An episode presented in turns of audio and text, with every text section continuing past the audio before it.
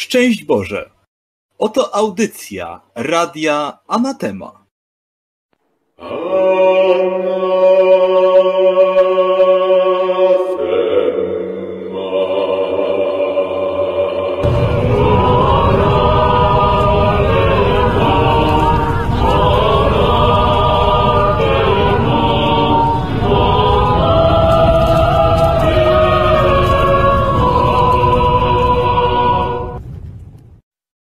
Witajcie w Mów Wyraźniej. W tym odcinku omawiamy kolejne z wczesnych opowiadań Jacka Dukaja, Śmierć Matadora, z którego dowiecie się innymi, jak wielki jest Hitler. Spoiler, naprawdę wielki.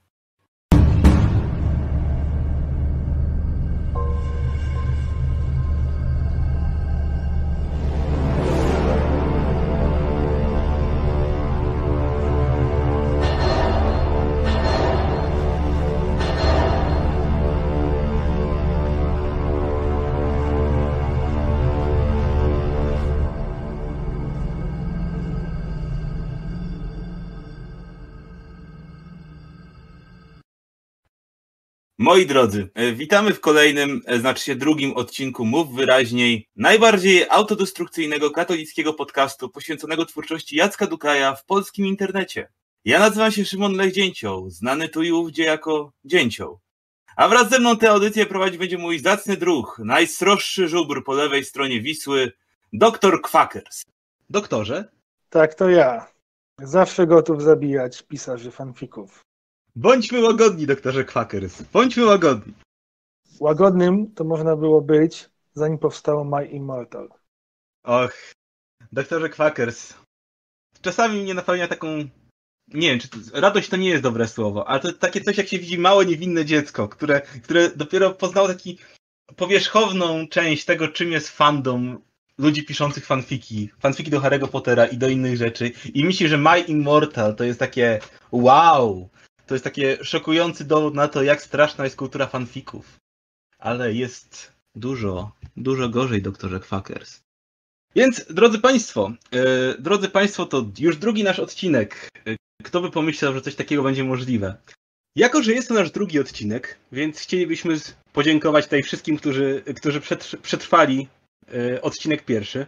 Dziękujemy wszystkim, którzy nas na YouTubie zasubskrybowali, wszystkim 50 osobom nawet tym czterem, które później nas odsubskrybowały. Więc szybko przeszło. Nie możemy szybko... was winić. Nie możemy nas winić. Tak, szybko przyszło, szybko poszło. Tak to już jest. Jesteśmy też, co widzicie w naszym, w naszej, jeśli czytacie notkę, która jest pod podcastem, to widzicie, że jesteśmy w tej chwili dostępni na kilku różnych platformach, na YouTubie i na rozmaitych platformach typowo podcastowych, które są podpięte pod nasze konto w Ankorze.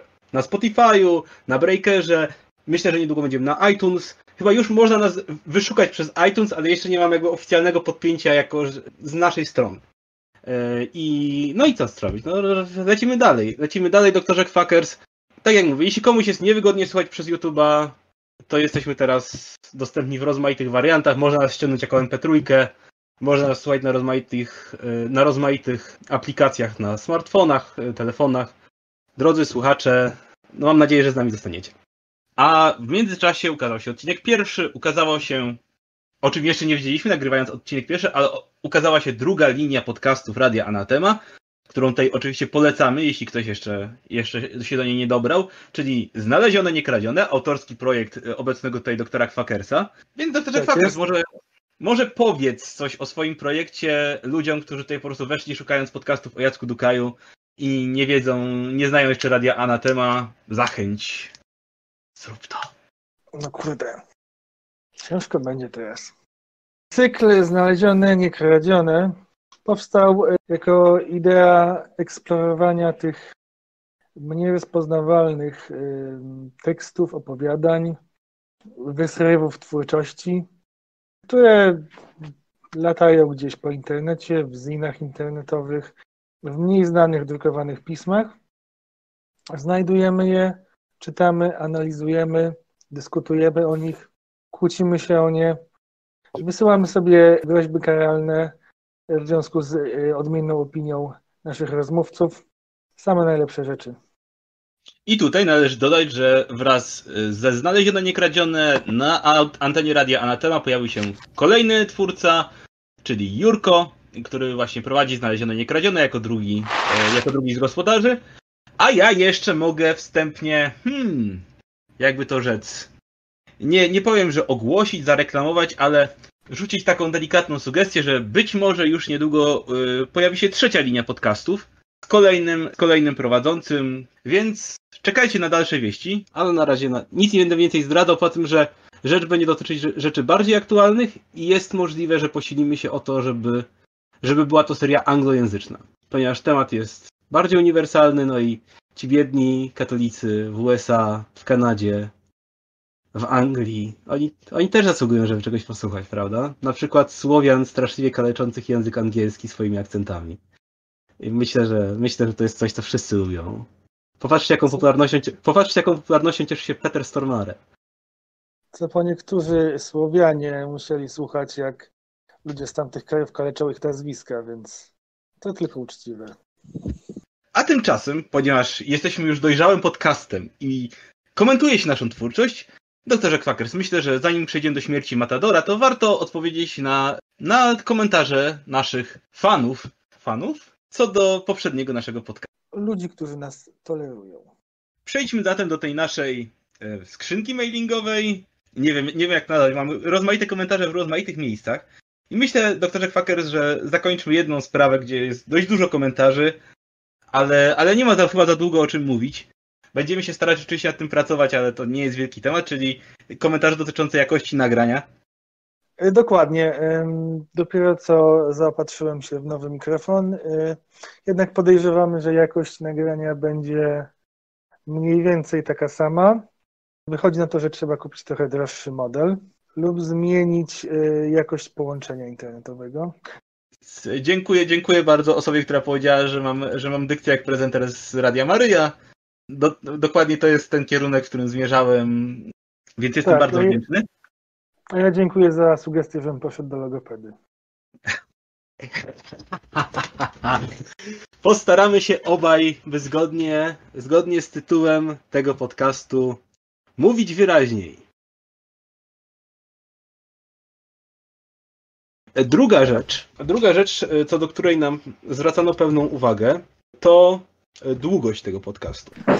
Jak, jak powiedział jeden z naszych słuchaczy na fandomowych katolikach, filmik powinien trwać tyle, by dało się go obejrzeć w pracy do kanapki. Na co moja odpowiedź brzmi tylko, jedzcie większe kanapki. Jakkolwiek będziemy się tak, starać y, poprawić jakość tego podcastu. W Subwayu kupcie sobie takie dwie duże na przykład. To Dokładnie. Wam... A, potem, a potem dokupcie jeszcze dwie kolejne.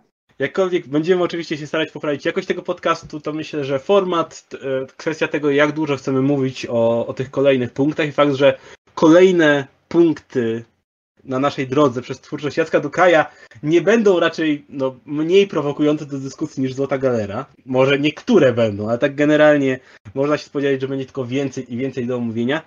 Więc będzie, będzie to raczej sporo gadania.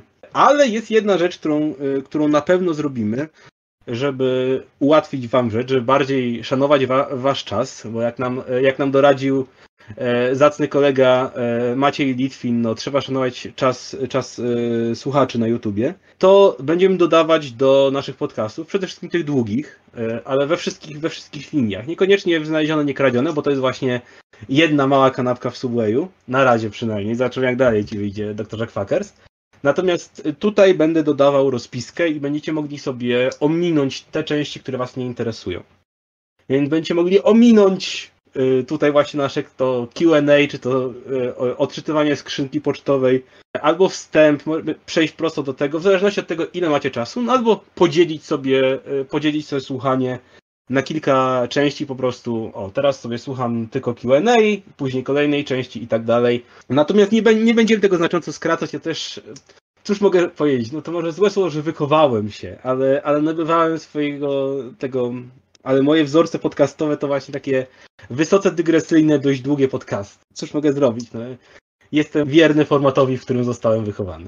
Dodam jeszcze y, moją wizją Również było nawalanie w słuchaczy y, nieedytowalnym strumieniem myśli. Więc raczej się nie zmienimy. Ale nie w tym zakresie. We wszystkich innych mam nadzieję, że się zmienimy.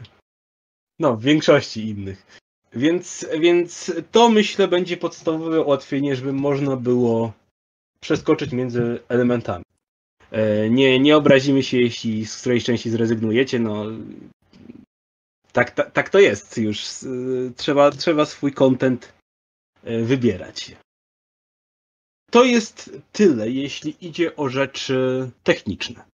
Teraz, zanim komentarze na temat samej Złotej Galerii i naszych, naszych opinii na temat e, opowiadania nie było tak dużo, je sobie zostawię na koniec. Ale jest jeszcze jakaś pula rozmaitych, pomniejszych komentarzy, które myślę, że do których możemy się odnieść. I tak na przykład na YouTubie kolega Batcage pisze nam, że proponuje zrobić serię o twórczości Ursuli Le Guin oraz podcast o twórczości Umberto Eco. Co do pierwszego, myślę, że to jest w którymś momencie będzie must be dla Radia Anatema, że powstała seria o Le Guin, bo to jednak jest zbyt duży klasyk, nawet jeśli no zupełnie nie tu ideowo, gdzie byśmy chcieli. Nie wiem, czy się zgadzasz, doktorze? Czy aż taki klasyk? Nie, no, na pewno rozpoznawalne nazwisko, no i wypadałoby, ale weźmy pod uwagę, jest wielu klasyków. Je, jeżeli są ludzie chętni do założenia osobnego cyklu na ten temat, to bardzo chętnie ich przyjmiemy. A to też prawda jak najbardziej. E, prawda? Nie, nie wszystkie podcasty Radia na temat muszą mieć mnie, muszą mieć doktora Packersa. Sieć się będzie roz, rozwijać. E, I druga propozycja o twórczości Umberto Eco, z którą mam trochę większy problem o tyle, że e, Umberto Eco jest, no nie powiem, że nie jest, nie jest twórcą pop, popkulturowym, bo przez imię Róży i jego ekranizację ma dość taki wyraźną obecność w popkulturze, ale też suma summarum to jest mimo wszystko literatura wysoka, tak ogólnie. Więc, więc to może nie do, końca, nie do końca zahacza o ten nasz główny target, ale z czasem, z czasem kto wie, różne rzeczy mogą się zdarzyć. Może pojawią się włoscy twórcy i zaczną prowadzić radio Anatema IT i będą gadać o Umberto Eco, bo w sumie to brzmi jak bardzo dobry pomysł. Ze swojej strony powiem, e, po moim zimnym, gnijącym, śmierdzącym, składającym się trupie będziemy omawiali Umberto Eco. Więc ja nie będę mówił, że Umberto Eco się nie pojawi tutaj. Na pewno się nie pojawi z działem doktora Quackersa. A oprócz, e, oprócz e, Umberto Eco i Ursuli Le Guin e, dano nam jeszcze inne propozycje. Zacytuję tutaj kolejnego komentatora, który się do nas odezwał na Facebooku. Błagam, omówcie opowiadanie Narodziny Metanoli autorstwa Stanisława Krajskiego oraz Kryształy Czasu Artura Schindlera.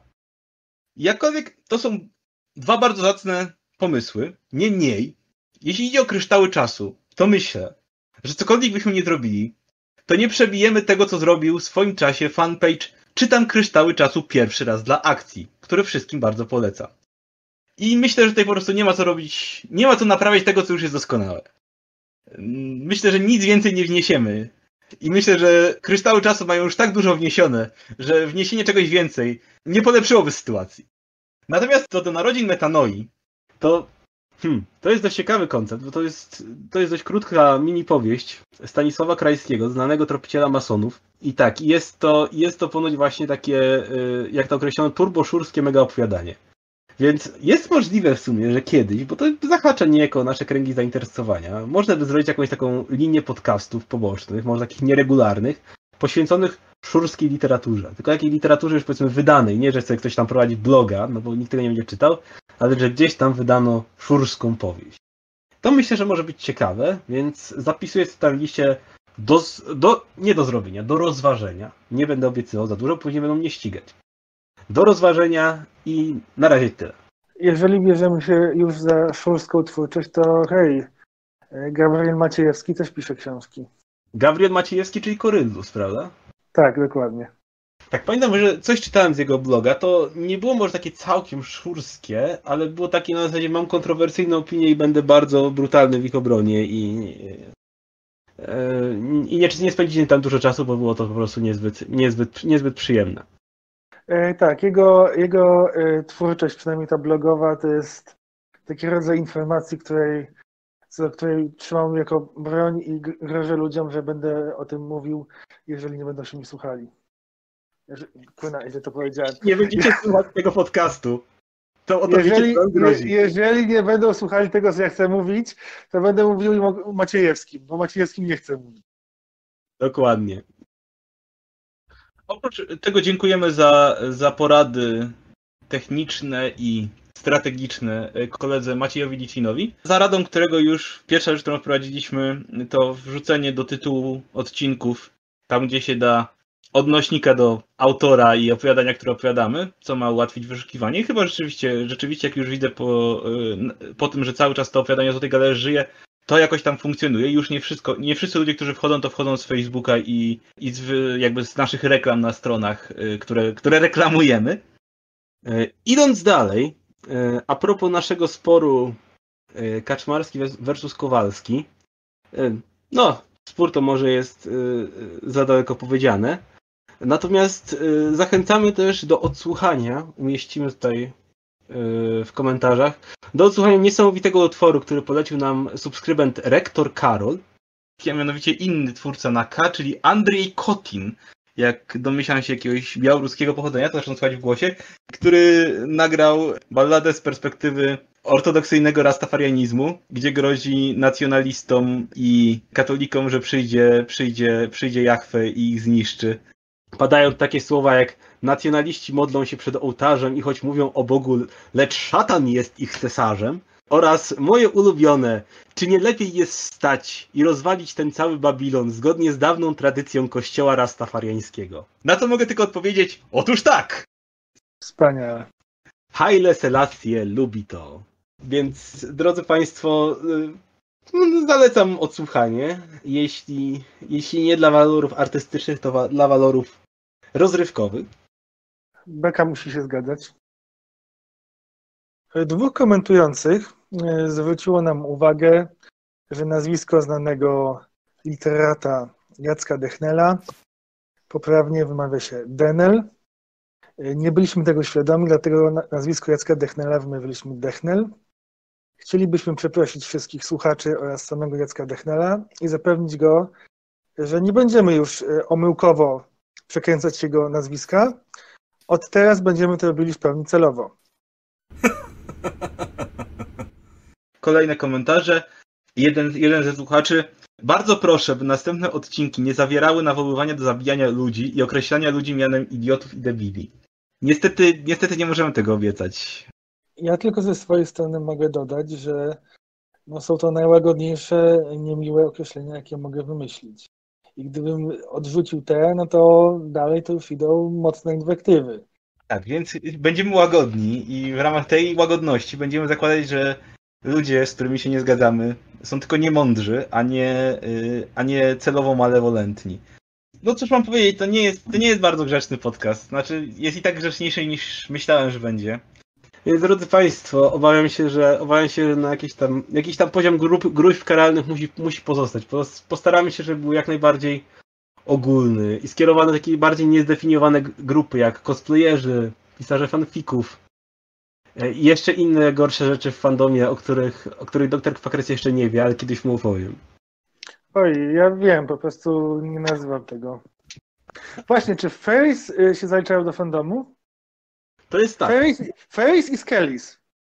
Powiem tak jeśli patrzeć na tradycyjną definicję fandomu, to tak. Natomiast biorąc pod uwagę, że fandom jest e, czymś teraz pod potocznym uzusie związanym z popkulturą, to trochę mniej, bo to niekoniecznie ma aspekt na jakiś kulturowy, więc wtedy się trochę bardziej, wtedy staje się to bardziej subkultura niż fandom.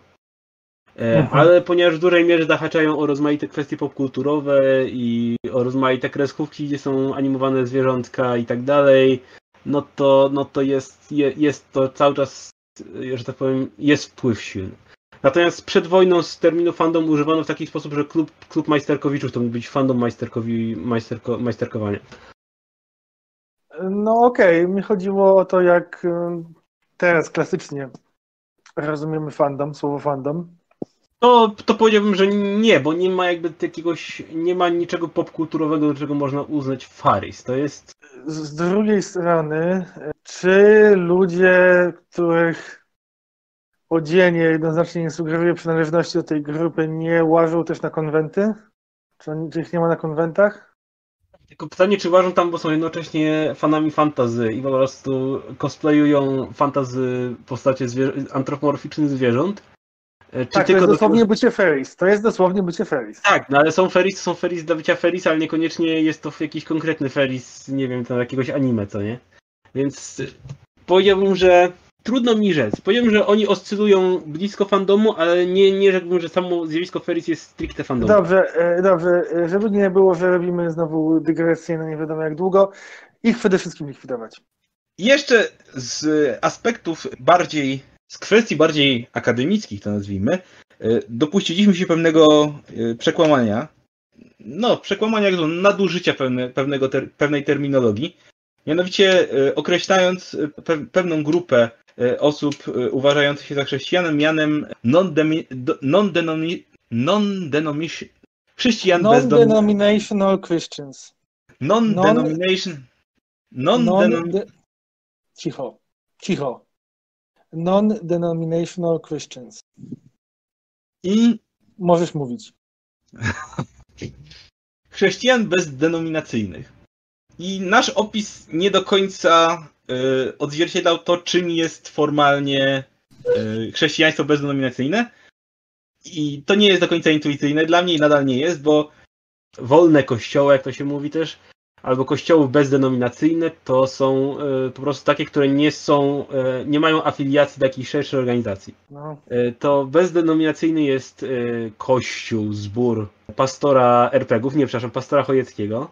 Pastor Chojecki nie jest, nie ma afiliacji do, do żadnego szerszego ruchu, ale z drugiej strony tak intuicyjnie dla mnie oczywiście chrześcijanie w jego zborze, no mają afiliację, mają denominację, to jest denominacja pastora Chojeckiego. E, jak się okazuje, to nie jest tak liczone do końca, więc jeśli ktoś tam jest członkiem pas kościoła pastora Chojeckiego i poczuł się urażony e, naszym obrażaniem e, non-denomów, to nie o was nam chodziło.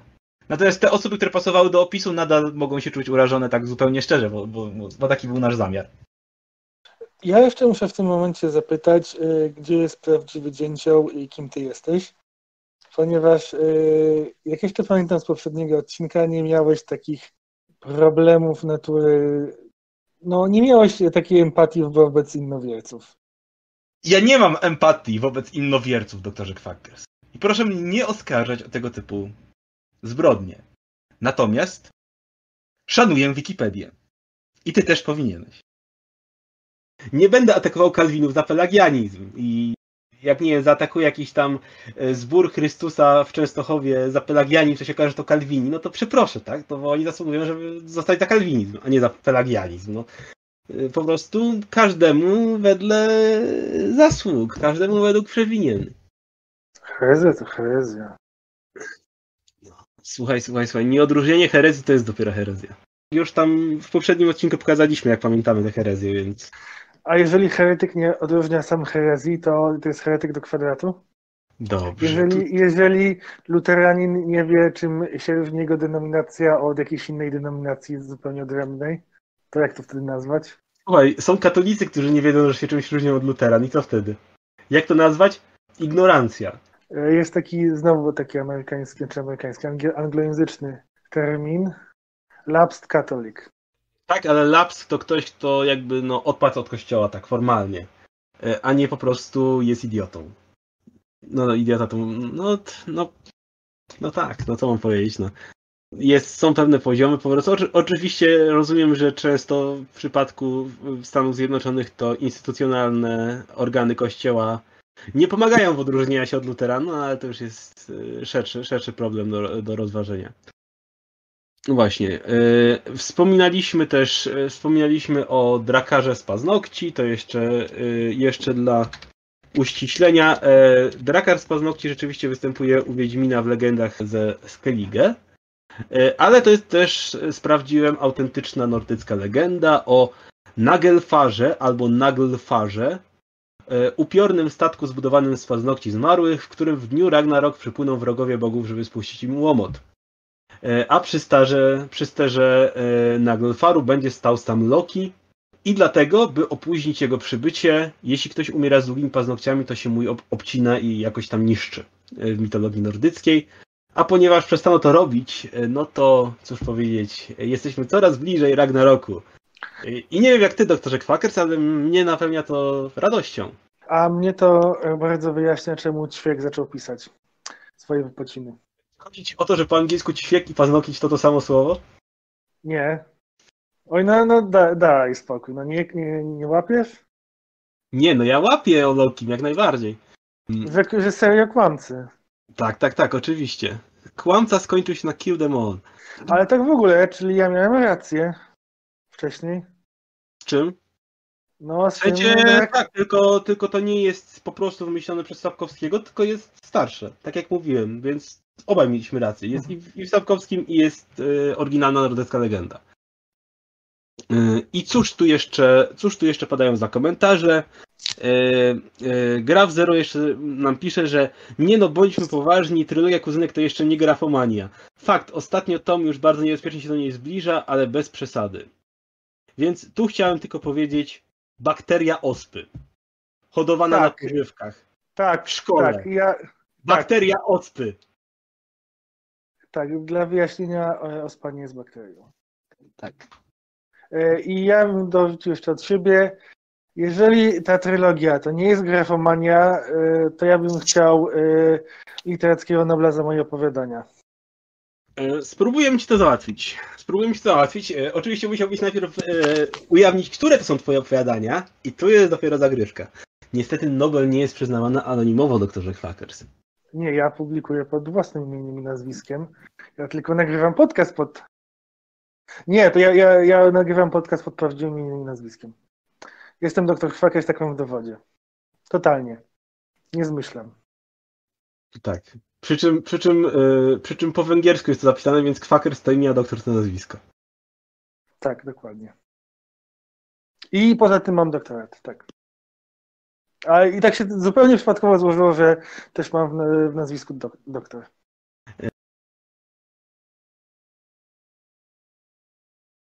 Ale, ale mamy parę komentarzy dotyczących, y, dotyczących per se naszej analizy y, opowiadania. I po pierwsze, e, tutaj e, kolega Bartosz Sternal pisze nam, że można zinterpretować e, Radziwiła w sposób bardziej nieprzychylny. Jako kogoś, kto był od początku zaznajomiony z proroctwem, w końcu nie bardzo go ono zaskoczyło i wszelkie działania tylko markował, od dawna pewny, że będzie wśród nielicznych, co się uratują. To wynosi jego pychę na wyższy poziom, a przynajmniej zmienia jej konsystencję. Czy jest tam jakoś jednoznacznie powiedziane, sugerowane, że on mógł wiedzieć lub mógł nie wiedzieć wcześniej? No właśnie, gdyby tak było, to trochę brakuje mi ujawnienia takiego faktu, bo mm, wcześniej jest jakby. Wcześniej on zachowuje się jak ten zły szef. Jest jakby cały czas bardzo zdenerwowany i stara się pchać Koloniego do akcji, do działania. Yy, I dopiero w ostatniej scenie jest jakby. Jest ten aspekt, że przeczytał proroctwo i on nagle stwierdza, okej, nic z tym nie zrobimy, więc jesteśmy przynajmniej tymi e, błogosławionymi zastępami, więc my zostaniemy. I z drugiej świat. strony, z drugiej strony to mogła być właśnie taka metoda, żeby odwrócić uwagę wszystkich od y, tego, co się naprawdę dzieje. Znaczy, nie wiem do końca takiej motywacji, bo on to w ogóle robił. Czy dlatego, że nie chce paniki, y, że boi się, że wybuchnie panika, to będzie to miało dla niego ne- negatywne konsekwencje. No właśnie, E, gdyby, gdyby tak było, to wypadałoby, żeby w tym finale było coś, co im wskazuje na to, tak? Coś, co mówi, okej, to w takim razie, no tak było, że a, ja wiedziałem wszystko, ja od początku wiedziałem. Tylko tak, chciałem, nie sprawdzić kolonii, jak sobie, jak, jak, jak sobie poradzisz i co, i co z tym zrobisz, nie. Y, Jakby tak miało być, to moim zdaniem więcej sensu by miało, y, gdyby on, to, on tego w ogóle nie ujawnił nikomu poza koloniemu w ostatnim momencie. Natomiast kolonii się dowiaduje od innych ludzi zatrudnionych tam, że y, y, Radivil, czy jak mu tam było, dobrze mówię? Że czyta konkretne proroctwa. Tak, tak, ale dobrze powiedziałem, Radivil, tak? To było... Radivil, tak. Tak, że on odczytał jakieś proroctwa e, i chyba nawet e, kolonii je potem skojarzył od razu, zanim jeszcze z nim porozmawiał, więc no tutaj ta motywacja by nie działała, ale też nie działała, bo w ogóle to rząd próbuje coś ukrywać. bo, bo rozpowiedział to już w którymś momencie. Gdyby rzeczywiście chciał to ukryć, to mógłby to ukryć do, dosłownie do momentu, kiedy kolonii wchodzi do jego y, pomieszczeń i wtedy mu wyjawia to ha, ha, ha, ja wszystko od początku wiedziałem. I zaciera ręce. Pije kieliszek wina i głaszcze grubego kota. Jednocześnie. Myślę, że jakiś gruby kot tam był, tylko Duka o nim nie wspomniał, niezależnie od tego aspektu. Musiał być, prawda? Taki człowiek jak Radivil, niezależnie od tego, jak wcześniej wiedział, musiał mieć grubego kota. Zgodzimy się chyba z tym. Nie wiem. Jakoś nie rozkminiałem tego. Tak, musiał. I z drugiej strony y, na, na, w komentarzach na YouTubie Graf Zero nam pisze, że koment, odnosząc się do naszej te, analizy tego, że i Radivil i Kolonii tracą duszę w, w finale opowiadania, y, jeszcze tylko chciałem zwrócić uwagę, że te dwie drogi prowadzące do upadku w przypadku bohaterów to są dwa grzechy przeciwko Duchowi Świętemu, które jak wiemy nie są odpuszczane. No i to, to się zasadniczo zgadza e, tutaj z tym, co mówiliśmy. Nie, nie odniosłem się wprost do tego, do tej klasyfikacji, ale rzeczywiście mamy z jednej strony, mamy z jednej strony zuchwałość, a z drugiej strony rozpacz jako te dwie drogi, jako dwie drogi prowadzące do, e, do zagłady. I to się rzeczywiście zgadza, tutaj myślę, nie ma, nie ma, nie ma jakiejś specjalnej kontrowersji, zresztą powiedziałbym, że bardzo dobrze pasuje do ogólnego układu. Tak chyba też zresztą powiedziałeś to dość jednoznacznie. E, tak, to znaczy po prostu nie odniosłem się do samego, nie, nie użyłem właśnie, że są grzechy przeciwko Duchowi Świętemu, tylko tak powiedziałem to bardziej ogólnie, ale, ale, ale tu się oczywiście zgadzamy. I jeszcze, jeszcze komentarz też ze strony kolegi Sternala, czyli na poziomie meta to, o czym może być opowiadanie w zamyśle autora. Otóż spotkałem się z opinią, że, potroszę, że to potrosze przestroga przed, czy też pesymistyczna wizja sprzężenia się kościoła w Polsce po przemianach 89 roku z władzą. I y, to jest też podobne do komentarza, który gdzieś się tam pojawił, że jest plotka chyba bardziej, nie jest to na pewno, nie jest to na pewno pewnik, to nie jest żadna potwierdzona wersja, że opowiadanie to powstało po jakiejś kłótni Dukaja z jego, z jego katechetą. E, więc, e, więc powiedziałbym, że w takiej układance, w takiej, w takiej sytuacji po prostu e, no jest to możliwe, nie wiem, jakiś ten kontekst, kontekst klerykalny istnieje, ale też nie widzę tu jakiegoś bardziej ewidentnego odniesienia się do takiej rzeczywistości typowo polskiej, tak? Więc jeśli to tak, ja bym już prędzej, no. Ja bym już prędzej stawiał, jeżeli trzymamy się tego pierwszego tropu, to już bym prędzej stawiał, że to jest y, przestrzeżenie przed jakąś, powiedzmy, popkulturyzacją chrześcijaństwa. Taką, powiedzmy, amerykanizacją, y, hollywoodyzacją chrześcijaństwa. No, sprężeniem logiki korporacji do, do chrześcijaństwa, no ale to też, też jest coś, co już wspomnieliśmy wtedy. Tak, y, przy czym inaczej mi to ujął, bo to opowiadanie jest amerykańsko-popkulturowe. Tak? Ono jest, ono to co mówiliśmy, że ono czerpie z takich wzorców sensacyjnych, że to jeszcze Dukaj nie ma tak bardzo swojego stylu, ma też dużo swoich elementów światotwórczych, ale w dialogach i tak dalej to wygląda jakby trochę brał z jakichś filmów sensacyjnych i to jest popkulturyzacja niewątpliwie, więc w tym sensie Radiville jest popkulturowy, bo mówi jak szef z amerykańskich y, filmów sensacyjnych z lat 90. Natomiast y, mam wrażenie, że, to się, że ten, ten kościół nie jest popkulturowy wewnątrz swojego świata. Więc myślę, że jeśli już to jest właśnie przestrzeżenie przed taką po prostu y, korporatyzacją, przed zapomnieniem o misji szerszej, przed zamianą się powiedzmy w instytucję, która jest teoretycznie duchowa, a w praktyce świecka. No, czyli zbyt silnym zaprzęgnięciu Kościoła jako instytucji w sprawy tego świata, tak? niekoniecznie katolicyzmu, ale Kościoła jako jako tych struktur stricte duchownych.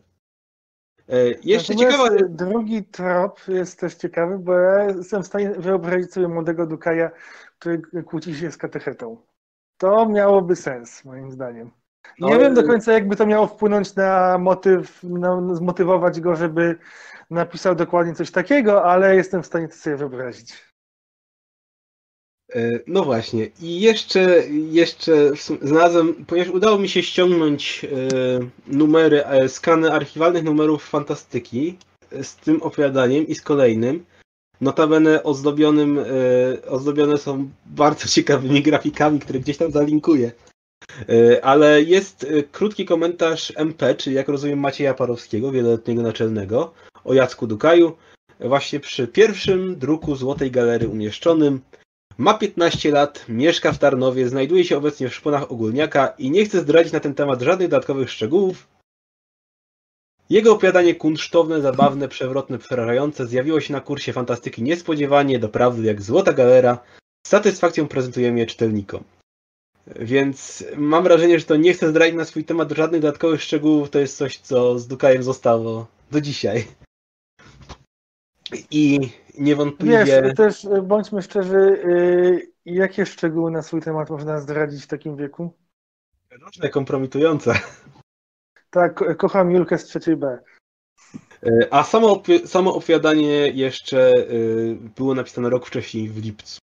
1989, co czyni to jeszcze śmieszniejsze w sumie, bo to jest jeszcze bardziej czyni Dukaja takim pisarzem, który zaczął się z początkiem trzeciej RP, tak? No to jest, to jest chwilę dokładnie po, po jakby no początku trzeciej RP, takim, że proszę Państwa, dzisiaj się skończył komunizm, prawda?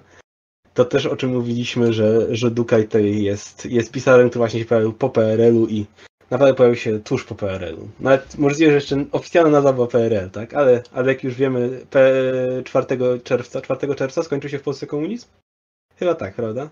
Chyba tak, nie jestem teraz pewien. Wygooglać to? Nie, nie trzeba.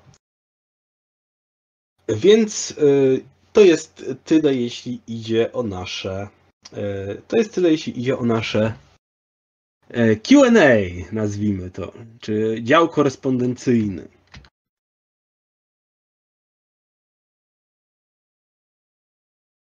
I przechodząc dalej, drodzy słuchacze, tak jak e, w poprzednim odcinku e, mówiliśmy o, no nazwijmy to, inbie związanej z Jadkiem Dukajem, przynajmniej pośrednio, tak postanowiliśmy utrzymać taki segment, na ile będzie możliwość Dukaj News, tak? Na ile, na ile można mówić, że to nowiny. Bo to nie, nie są do końca nowiny, ale takie rzeczy, które jakoś tam nam w mediach wyszły, które nie są wprost dziełami literackimi, a gdzie Jacek Dukaj się z tych czy innych przyczyn pojawia. E, I dziś chcielibyśmy powiedzieć, oczywiście będzie link, będzie link w opisie filmiku, więc możecie sobie od razu zobaczyć całość, jeśli chcecie. Jest to wskazane nawet.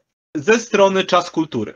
To jest, jak rozumiem, jakiś po prostu jeden, jeden z wielu no, takich portali czy internetowych o, o poświęconych kulturze. I tutaj mamy e, do czynienia z, z wywiadem, czy bardziej z zapisem dyskusji, skróconym zapisem dyskusji. Jest naprawdę krótki. To tak, to jest to jest chwila, chwila lektury. Sama dyskusja przypuszczam, że była, była jednak sporo dłuższa. Y, Podejrzewam Skrócony... też, że gdybyśmy chcieli, to spokojnie możemy wycisnąć z tego ze dwie godziny podcastu. E, po tak, to, był, to byłby inny podcast. To byłaby bardziej dyskusja filozoficzna niż, niż tak naprawdę omawianie tej dyskusji. To już była nasza dyskusja. I to jest zapis dyskusji Nieskończoność w pozycjach humanistyki w XXI wieku która się odbyła 20 listopada 2019 roku w ramach, czyli rok temu praktycznie, w ramach y, czwartego Kongresu Dydaktyki Polonistycznej na Wydziale Filologii Polskiej i Klasycznej Uniwersytetu Adama Mickiewicza. Myślę, że to, co tutaj ja chciałbym wspomnieć, bo nie chcę, tak jak nie, chcę, nie chcemy tutaj dyskutować, omawiać bardzo dokładnie tego wszystkiego, bo jest tutaj dużo do powiedzenia. E, rozmawiając... tylko podstawowe rzeczy. Jest to rozmowa pomiędzy e, Edwinem e, Bendykiem, Jackiem Dukajem, Urszulą Zaręczkowską oraz Przemysławem Czaplińskim jako moderatorem dyskusji. Tak, i jest ona poświęcona pozycji humanistyki w dzisiejszych czasach i przyszłości i celowości humanistyki dla, dla społeczeństwa, dla ludzkości i dla samej siebie i tego, jaka przyszłość czeka humanistykę w związku ze zmianami, które zachodzą na świecie. I powiedziałbym, że się w dużej mierze konstytuują tej dwa obozy, tak? Z jednej strony Jacka Dukaja i z drugiej strony reszty, y, reszty dyskutantów, bo ich pozycje są moim ja zdaniem bym bliższe. Powiedział, ja bym powiedział, że moim zdaniem jest, znaczy dwie, dwa punkty chciałbym wspomnieć. Jeden, Jacek Dukaj z tych ludzi najprecyzyjniej się wyraża. On mówi konkretnie do rzeczy, używa precyzyjnego języka. Co, no, e, Edwin, Edwin Bendyk trochę też, Urszula Zajemczkowska to zaczyna wchodzić w jakiś, moim zdaniem, lekki bełkot.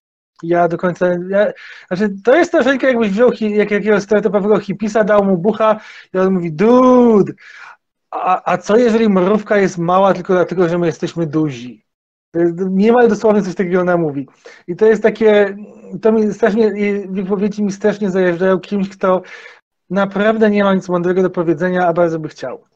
Ja się z tobą nie zgodzę. W sensie. Ale, ja, ale wiesz do czego ja piję, wiesz do czego ja, ja piję. ten, I się zgadzam się, że ten styl taki jest. I zgadzam się, że się y, odwołuje nie do tej mentalności, filozofii i tak dalej. Natomiast ja mam wrażenie, że główny, główna oś tutaj powiedzmy opozycyjna y, jest y, pomiędzy kwestią tego, jak humanistyka bo te aspekty takie, gdzie y, oni robią zmianki w technicznych rozwiązaniach, do czego będzie używana humanistyka tak przez uniwersytety, przez firmy i tak dalej. Znaczy, ale to jest moim zdaniem też istotny, istotna część dyskusji. To na początku jest dość wyraźnie zarysowane, zanim e, oni przechodzą do dalszego omawiania w ogóle sensu humanistyki, już w oderwaniu nawet od instytucji. Natomiast moim drugim punktem, jeżeli jeszcze mogę skończyć, było to, że tu jest bardziej obóz Jacka Dukaja z Edwinem Bendykiem, który trochę w to wchodzi, a trochę nie do końca. I Urszulą Zajączkowską, która trochę próbuje tworzyć jakieś swoje wizje z innej strony, ale które są takie słabo zarysowane. Więc taki solidny obóz to jest obóz Jacka Dukaja i inni tam mogą wchodzić do tego obozu albo wychodzić. Ja nie widzę Znaczy- tutaj mo- mocnego przeciwobozu.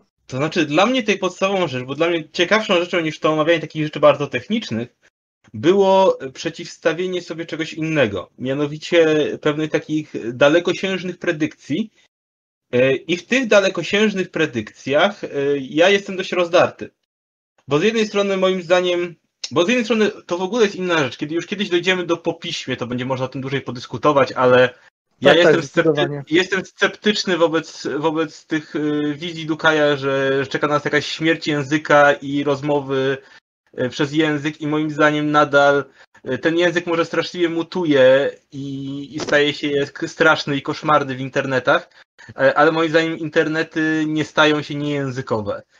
I moim zdaniem nawet bańki językowe i robienie sobie takich, wiesz, własnych cegiełek językowych są na razie coraz silniejsze, a do tego przesyłu przeżyć samych w sobie jesteśmy jeszcze bardzo, bardzo daleko. Ja to I nie widzę. y, No. Mogę ci jeszcze dorzucę jedną rzecz.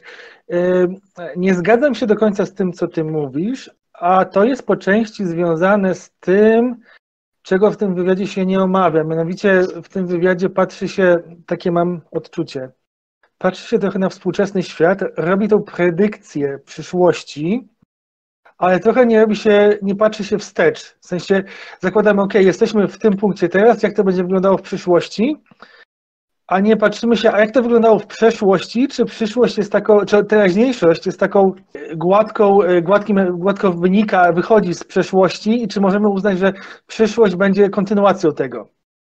To nie jest trochę poruszone moim zdaniem, a to ma znaczenie dlatego, że moim zdaniem po prostu technologia amplifikuje pewne zjawiska.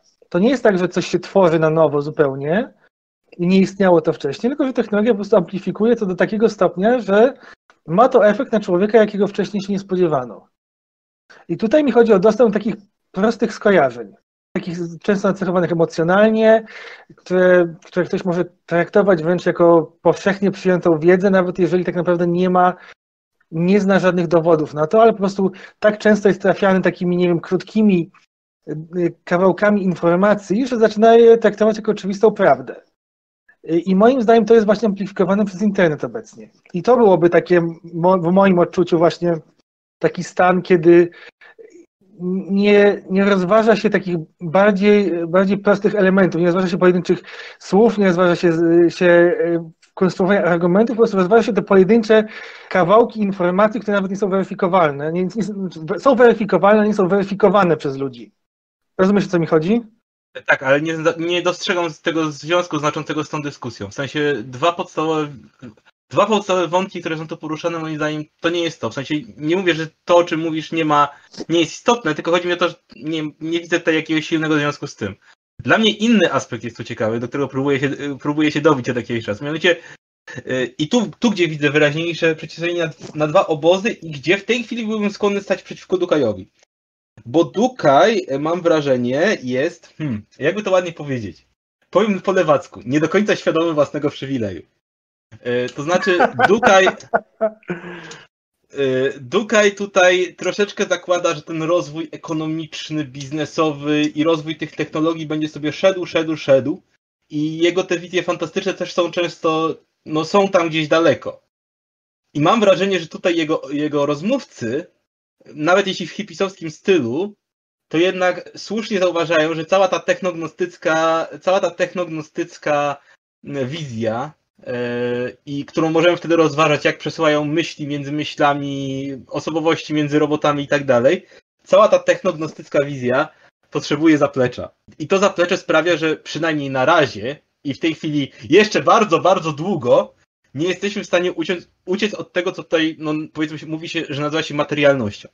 A skoro tak, to ta materialność, gdzie Dukaj przewiduje, że no, będziemy od niej uwolnieni, jakby, czy że ta kultura się od niej uwolni, humanistyka, no będzie jeszcze długo zależna y, od tego. I jeśli teraz prawda, grożą nam pewne, nie wiem, katastrofy ekonomiczne, kryzysy migracyjne i tak dalej, to to wszystko może po prostu wylecieć w powietrze i okaże się, że te predykcje donikąd nie doprowadzą, bo właściwy opis kultury to jest Mad Max Fury Road, tak? Tutaj jestem skłonny teraz patrząc na to, jak, jak sobie świat się toczy i jak bardzo jest taki no, niezdolny, indolentny do takiego szerszego, globalnego, nie wiem, niestoczenia się w bardzo dziwne, złe miejsca, to jestem skłonny do, do tego, prawda, sentymentu, który tutaj raczej wyrażają Bendyk i e, Zajączkowska się przychylić. W sensie, że to, to, to, jeszcze, jest, to jeszcze nie jest ten moment, żeby możemy sobie rozważać takie wizje na serio, że to jest nasza bliska przyszłość, bo tutaj, prawda, nam się cegiełki usuwają spod nóg i ten byt, który określa świadomość, to nie będzie w stanie określić takiej fajnej świadomości rozszerzonej. Po prostu nie będzie go na to stać.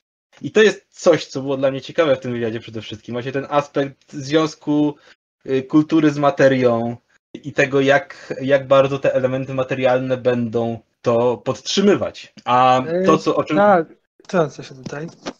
E, okej, okay, no. ale czy ja, ja po prostu rozumiem, czy bo zgadzam się też z tym, co ty mówisz. Nawet powiedzmy, tak, zgadzam się.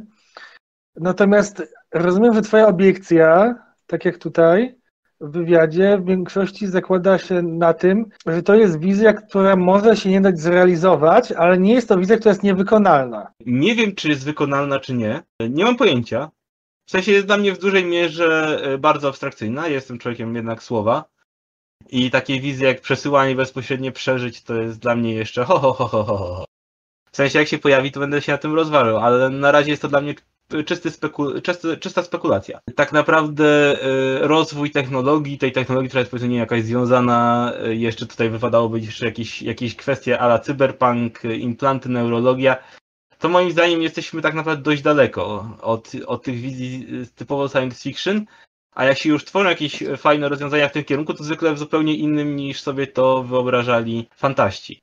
Ale pamiętasz pewne... może, pamię... okej, okay, dygresja, krótka dygresja, nie, nie zabierze za dużo czasu. Pamiętasz Planescape Torment? Nie grałem. Okej, okay, to ktokolwiek pamiętał. Tam była e, w, w tym mieście, tam nie było dostępu dla bogów, więc tworzyły się frakcje wokół konkretnych filozofii, a nie religie. Byli tak zwani, w polskim tłumaczeniu to byli czuciowcy, którzy posiadali, ja mówię o grze, nie o książce oczywiście, bo książka, to jest jeden z tych przypadków, kiedy gra miała lepszą fabułę niż książka. Czuciowcy posiadali jakieś tam kamienie, w których zamykane były odczucia innych ludzi. I ktoś dotykając tych kamieni mógł dosłownie przeżyć wszystkie, wszystkie symulacje zmysłowe, jakie osoba zamknęła w tym krysztale. To jest idealnie ten sam motyw. To znaczy, wiesz co, spoko. Znaczy spoko w tym sensie, że... Wiem, że to nie jest do końca istotne dla dy dyskusji, ale po prostu chodzi mi o to, że taki motyw zamykania jakichś zmysłowych doznań, jakichś, czy nawet stanów umysłowych i przekazywaniu ich innej osobie fizycznym nośnikiem nie jest moim zdaniem tak y, jednoznacznie wyłącznie związany z cyberpunkiem, chociaż oczywiście w dużym stopniu jest i nie jest taki wcale jakiś nowy. Nie, nie, nie, nie, nie. To się nie zrozumieliśmy. Ja się odnosiłem do, do tego, znaczy dałem cyberpunkiego przykład, nie jako wykluczający, że to jest coś stricte cyberpunkowego.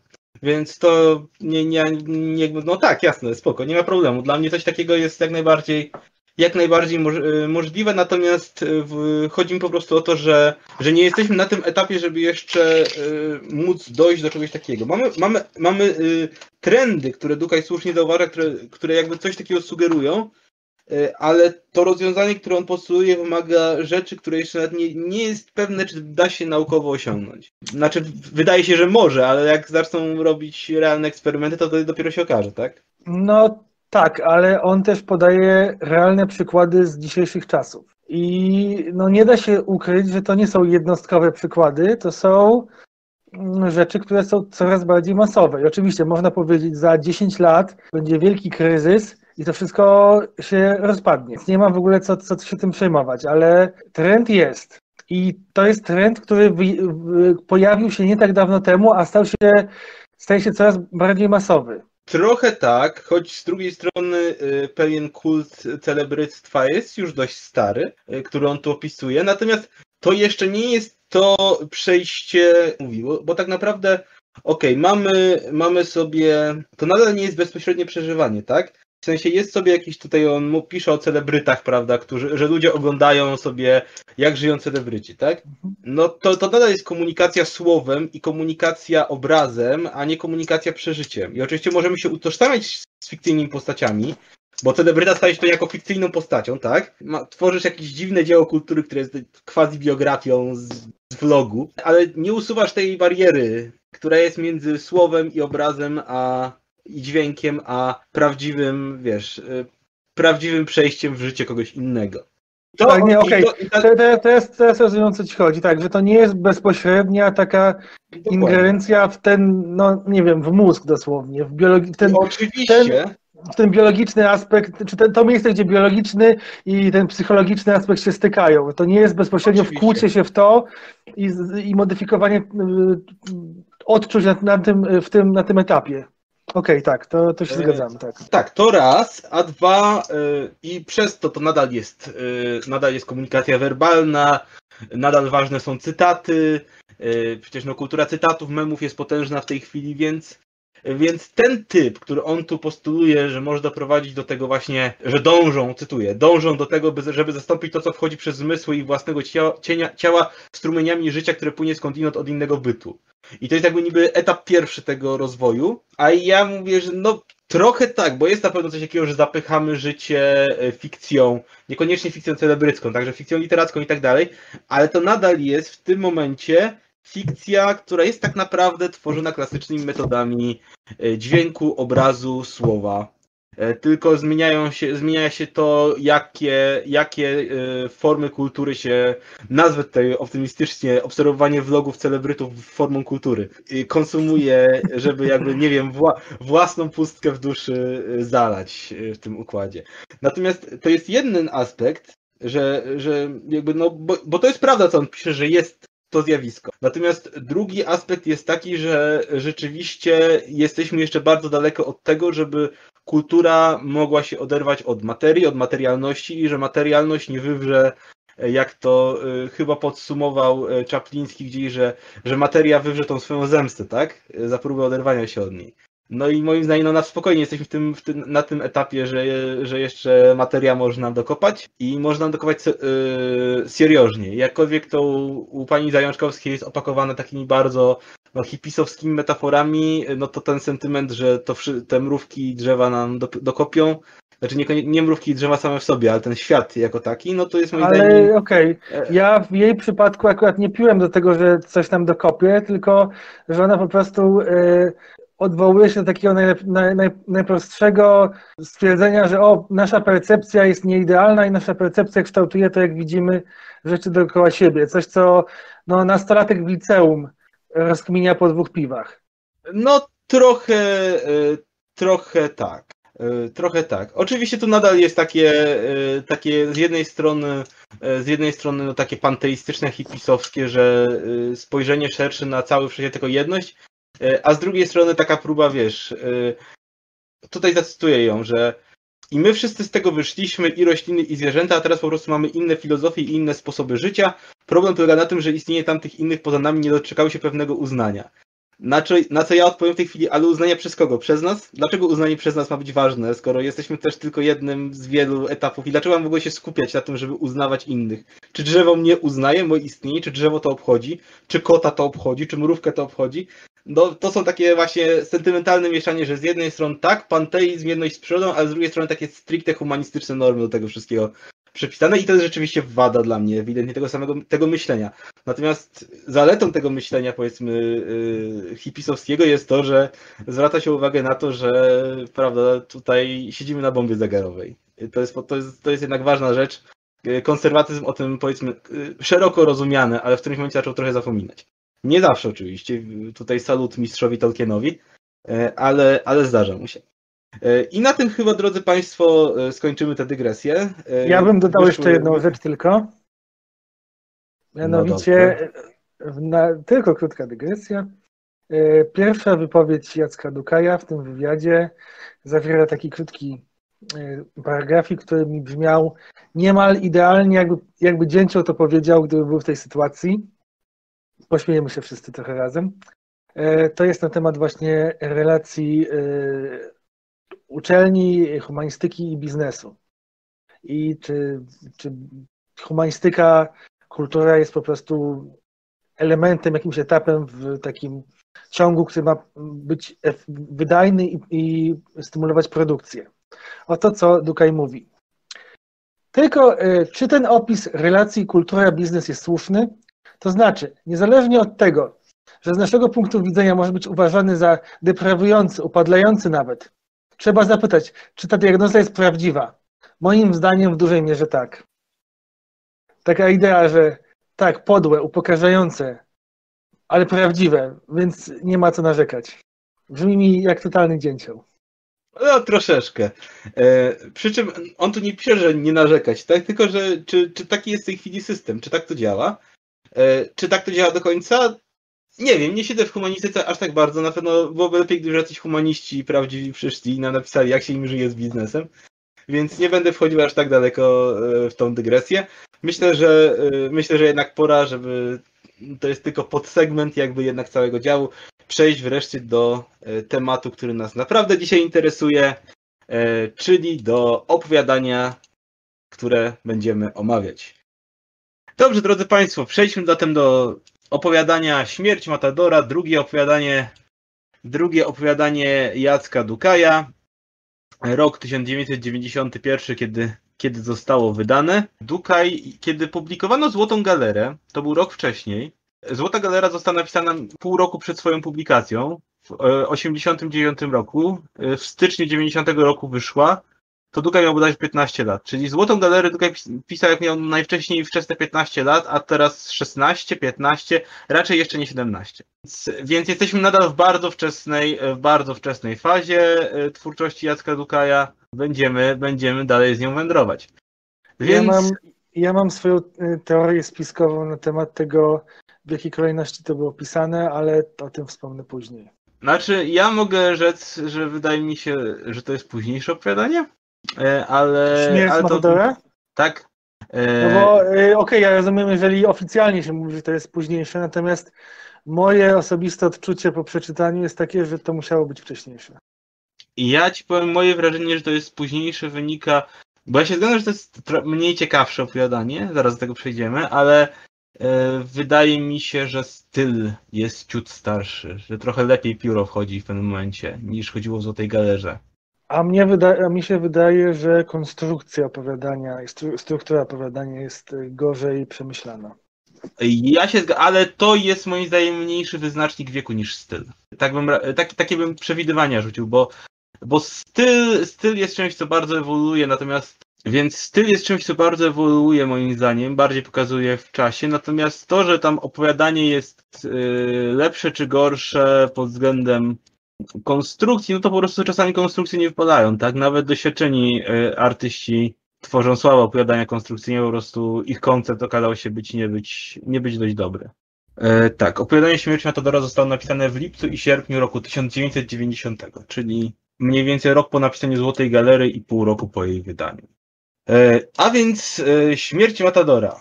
Opowiadanie y, zaczyna się, zaczyna się cytatem, takim jakby słowem wstępu. Jest cytat z Hemingwaya opisujący korridę.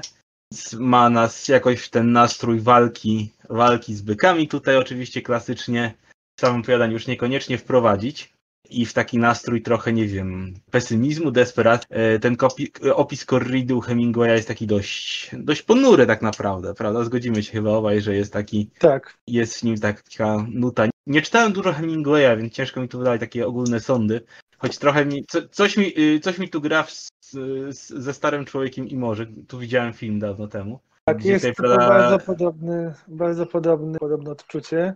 Ja też nie czytuję Hemingwaya bardziej niż przeciętny y, Polak. Natomiast krótką dedukcją doszedłem do wniosku, że to jest prawdopodobnie książka Śmierć po południu, po prostu z racji tematyki, która została opublikowana w 1932 roku. I bohaterem, e, bohaterem e, opowiadania śmierci Matadora jest, jak można się domyśleć, Matador, ale Matador już konwencji bardziej, bardziej e, klasycznego, kosmicznego science fiction. Mamy już świat wysokich technologii, ludzkość, kolonizuje kosmos. Jest to bardziej standardowe science fiction niż Złota Galera z tym całym swoim realtechem, prawda? Tu mamy, myślę, jednak y, takie bardziej klasyczne, przez większość czasu bardziej klasyczne aspekty. No i cóż, jak się okazuje, przyszłość, nie przyszłość, ale zawsze, zawsze ludzie sobie chętnie zobaczą, jak y, człowiek się napieprza z wielkimi potworami dla uciechy gawiedzi. Główny bohater o imieniu możliwe, że troszeczkę już też proroczym Leonard Korps. Leonard... Tak, to jest ba bardzo subtelne. Swoją drogą to jest kolejne opowiadanie, myślę, że trochę pokazywało to już Złota Galera, a później będzie tego jeszcze więcej, gdzie Dukaj w tych swoich futurystycznych, futurystycznych y, opowiadaniach idzie bardzo fajnie z konwencjami y, nazywania ludzi, bo w amerykańskim science fiction no to, to, to ci ludzie się często nazywają, a tak stricte normalnie po, po amerykańsku. Ulema w, dużych, w, du w wielu się nazywali tak trochę po polsku, trochę po rosyjsku, chociaż nie zawsze, z tego co kojarzę chyba w Solaris. Solaris były takie bardziej międzynarodowe te y, nazwiska, imiona. U Dukaja jest tutaj straszny miszmasz tych imion, nazwisk i to rzeczywiście wygląda trochę tak, jakbyś to wszystko z całej ziemi pozbierało. Znaczy może jeszcze, to się tak rozszerza mam wrażenie trochę, bo, bo jeszcze tak nie wiem, azjatyckich bardziej, hinduskich, tam, tam z innych części świata, gdzie jest dużo ludzi, jeszcze jest tego mało, ale ogólnie jest bardzo, bardzo dużo tych terminów. Więc, znaczy wiesz, y, mógł niekoniecznie wiedzieć wtedy, jak, y, jak takie nazwiska wyglądają.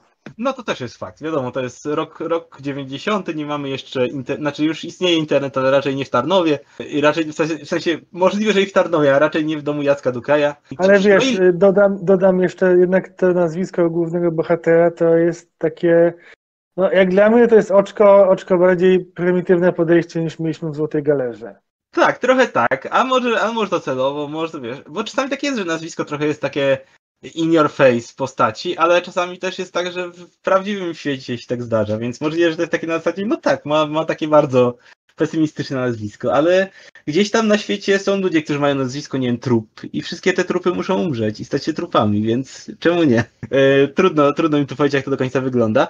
W każdym razie, przybywa, przybywa, do, przybywa do stacji nad planetą Waszyngton, a planeta Waszyngton orbituje dookoła wielkiej czerwonej gwiazdy, która nazywa się Hitler, E, zresztą swoją drogą w, pierwszy, w pierwszym momencie mnie to pewne wprowadziło w zagubienie, bo najpierw czytam tutaj o, o tym, jak czytam o tym, jak jest ten kompleks orbitalny Waszyngton, planeta Waszyngton, dookoła której, prawda, e, krąży ta wielka stacja kosmiczna, gdzie, e, gdzie toczy się właściwie cała akcja opowiadania, ale później, ale później właśnie mamy w kolejnym takim no mini w takiej części wydzielonej mini rozdziale tego opowiadania wzmiankę o tym, że E, hitlerowskie ceny były nieprawdopodobne.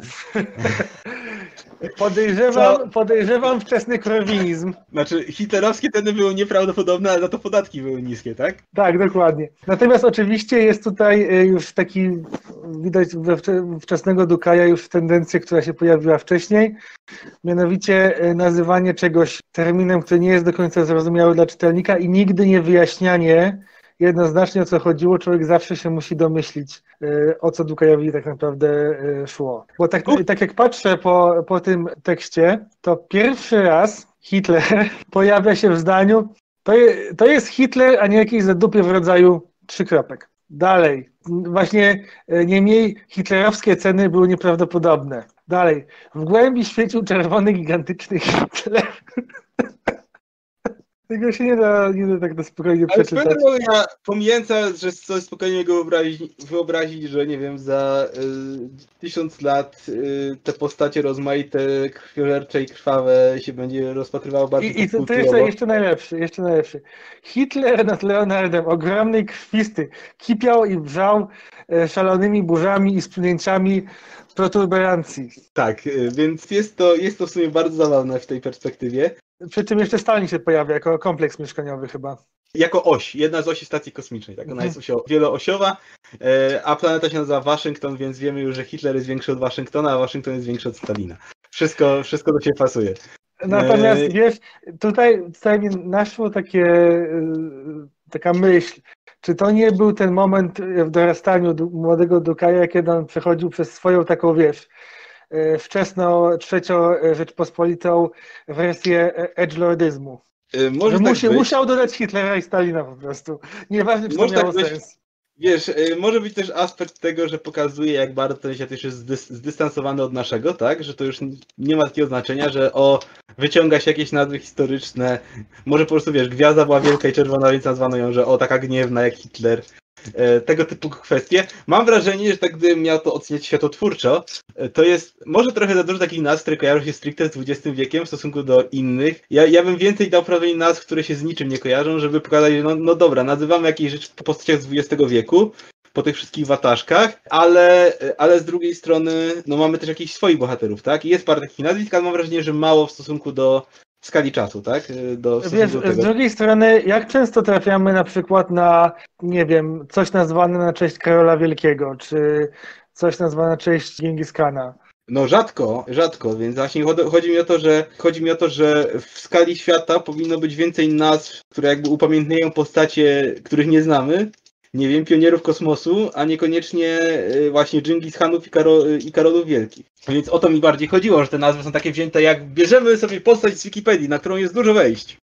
tak, więc mam wrażenie, że taki wiesz, dwudziestocentryczny przechył w tych nazwach. Oś Chaplina, Stalina, Hitler, Waszyngton, no Wa- Waszyngton nie jest dwudziestowieczny tak stricte, no ale też powiedzmy sobie, że nie- nie jest tylko nazwiskiem. No ale w każdym razie, przejdźmy, przejdźmy, do, przejdźmy do fabuły. Leonard Corps przybywa e, do kompleksu orbitalnego planety Waszyngton. Tutaj na, już na początku jest ten aspekt, że pokazuje, że no dużo lepiej radzi sobie z nieważkością, z, z tą przestrzenią, z brakiem grawitacji niż zwykli ludzie. E, I to jakby profesjonalni strażnicy tam celni zwracają uwagę, że sobie dobrze radzi. Pytają się nawet, czy jest próżniakiem. W ko- W kontekście opowieści rozumiem, że jest e, ple- plebejskim słowem na artezytę. Choć niekoniecznie. E, U, użyłeś, użyłeś terminu, który też nie był jeszcze wy, wyjaśniony przez Tak. nas. nie był, nie, nie był nawet powiedziany. E, Ale niekoniecznie, to może być, to może być po prostu człowiek, który dużo ży, który żyje na właśnie stacjach i próżniach i tak dalej i po prostu jest przyczajony, bo artyzeta jest jakby poziom wyżej, tak? Jak później dojdziemy do tego. I tu mamy od początku użytych e, kilka takich terminów, które mam wrażenie są stricte związane z korridą i ta korrida w tym świecie wydaje się być rzeczywiście nawiązywać do kultury korridy hiszpańskiej.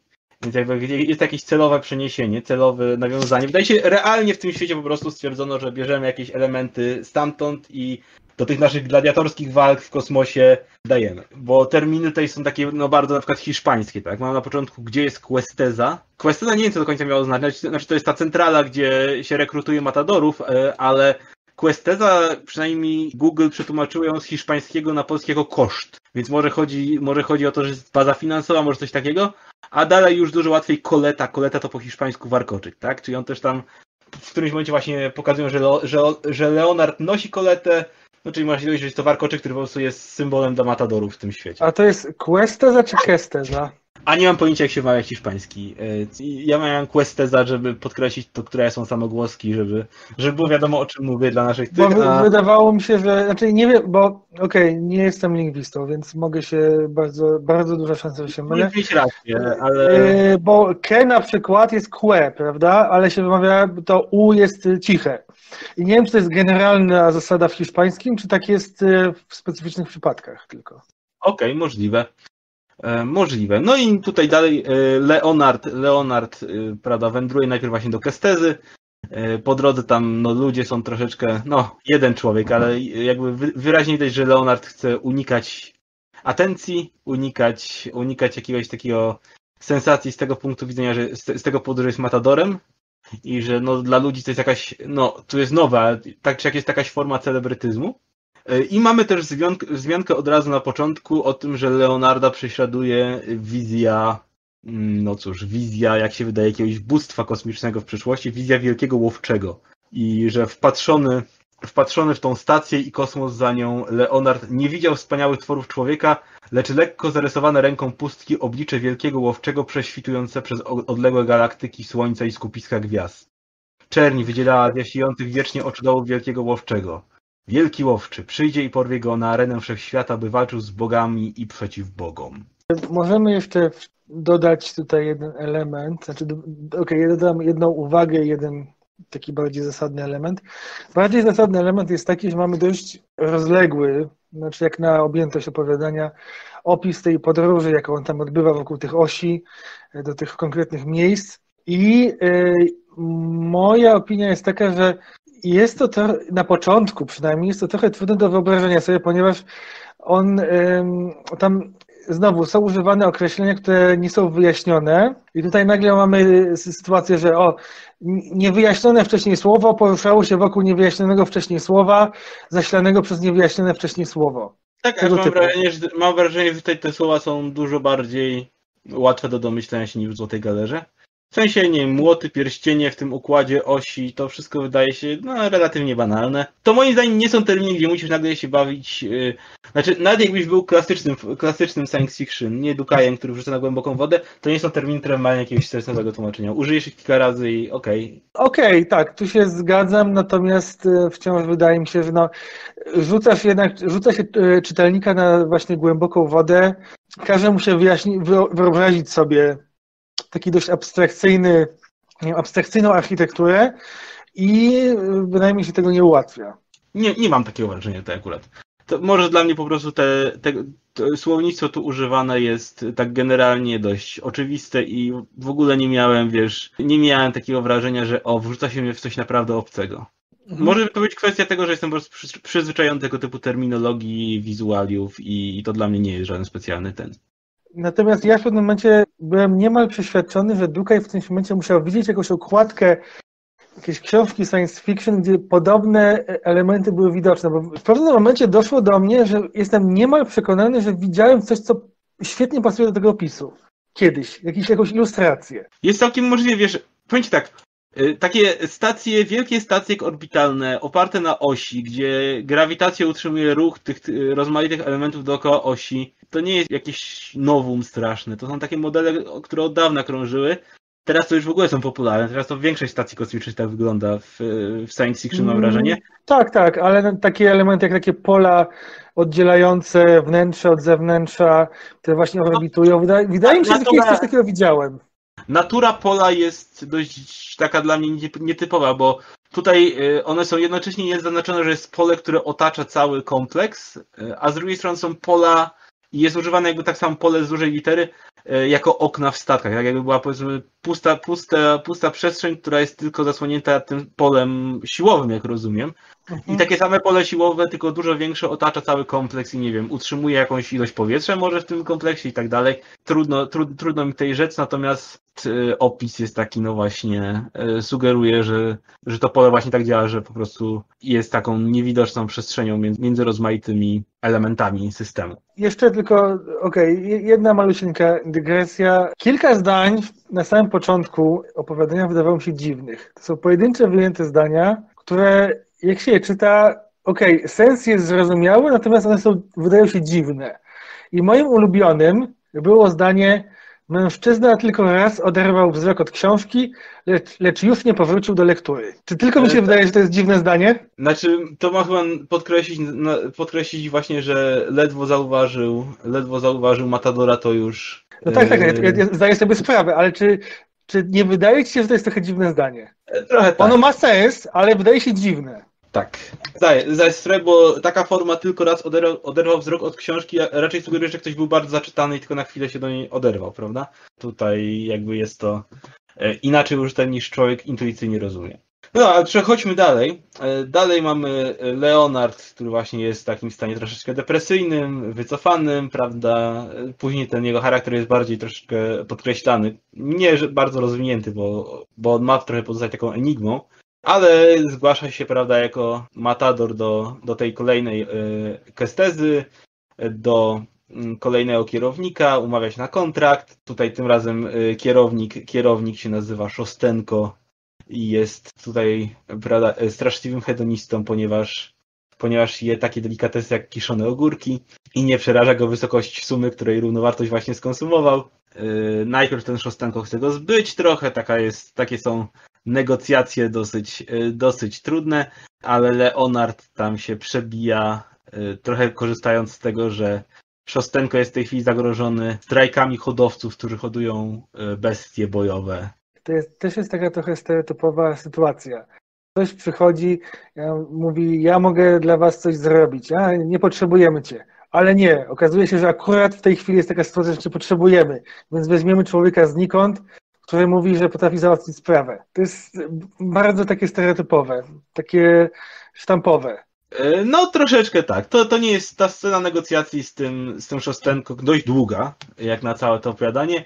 E, nie jest, znaczy nie jest, nie jest jakaś bolesna, ale oczywiście Szostenko jest przedstawiony trochę jak właśnie taki negocjator dość typowy popkulturowy i to wszystko wygląda w, taki, w takim układzie chcę, ale nie, ale dobra, jednak pana bierzemy. Dam panu mniej niż pan brał do tej pory, ale jednak całkiem so, solidnie i tak dalej, i tak dalej.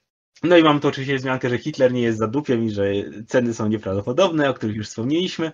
Dalej Leonard odwiedza Artura Sorche, czyli mamy jakiegoś Polaczka w kosmosie, no kto by się spodziewał. E, chyba, prawda? To brzmi tak po polsku. Sorcha w takiej formie. Nie, Może... nie brzmi. Nie brzmi? Dla nie mnie to brzmi jak coś polskiego. Twoje, twoje antypolskie uprzedzenia. E, możliwe. W każdym razie, tak, tutaj też e, na początku, że o, nie poznałem cię w ogóle e, i tak dalej. Ta scena jest też taka troszeczkę. Bardzo krótka gadka w sumie, taka. Ta scena jest strasznie.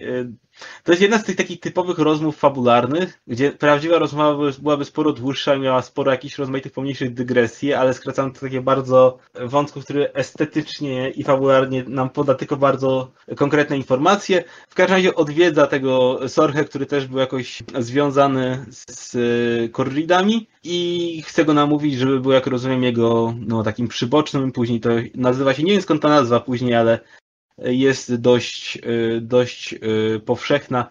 Nazywa się Insyciel, czy Insyciel. Y, I to jest ktoś, kto jakby obsługuje tych matadorów w czasie ich walki.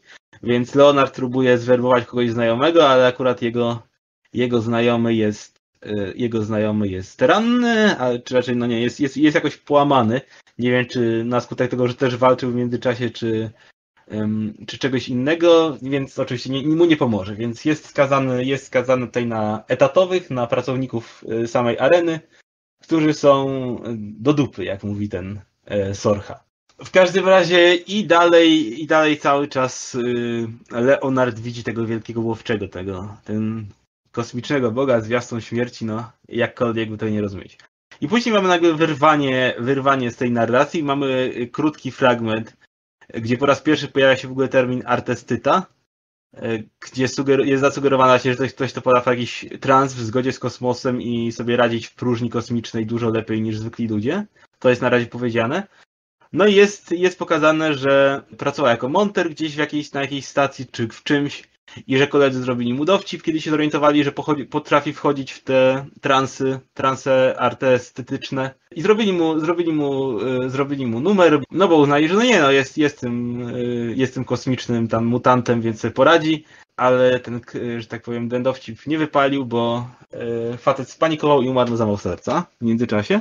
Później oni, jego koledzy, no ponieważ, ponieważ przyczyną był zawał serca, to nie, nie, nie dostali pociągnięcia do odpowiedzialności, no i tutaj zacytuję. Tylko jeden nie mógł i próbował się zabić, ale odratowali go. I próbował jeszcze raz i znowu mu się nie udało. Odleciał stamtąd, byle dalej, nie mógł zapomnieć, pragnął umrzeć, a śmierć chodziła za nim krok w krok. I ta chwila, kiedy wypuszczał tlen. Odleciał daleko, gdzie nikt go nie znał, lecz śmierć go goniła. Nie chciał się tłumaczyć przed nikim, a zwłaszcza przed nią. Był dumnym człowiekiem, dumnym i bardzo dziwnym, o skomplikowanym charakterze i tak został matadorem. Więc to jest zasadniczo całe backstory dla Leonarda, bo to ewidentnie koniec, końcówka pokazuje, że to jest jego backstory, czyli w sensie doprowadził do śmierci kolegi. No Ale i... ja właśnie nie jestem do końca pewien, czy to jest jego backstory. Chyba, że to backstory pierwszego Matadora. Tak, to też jest opcja.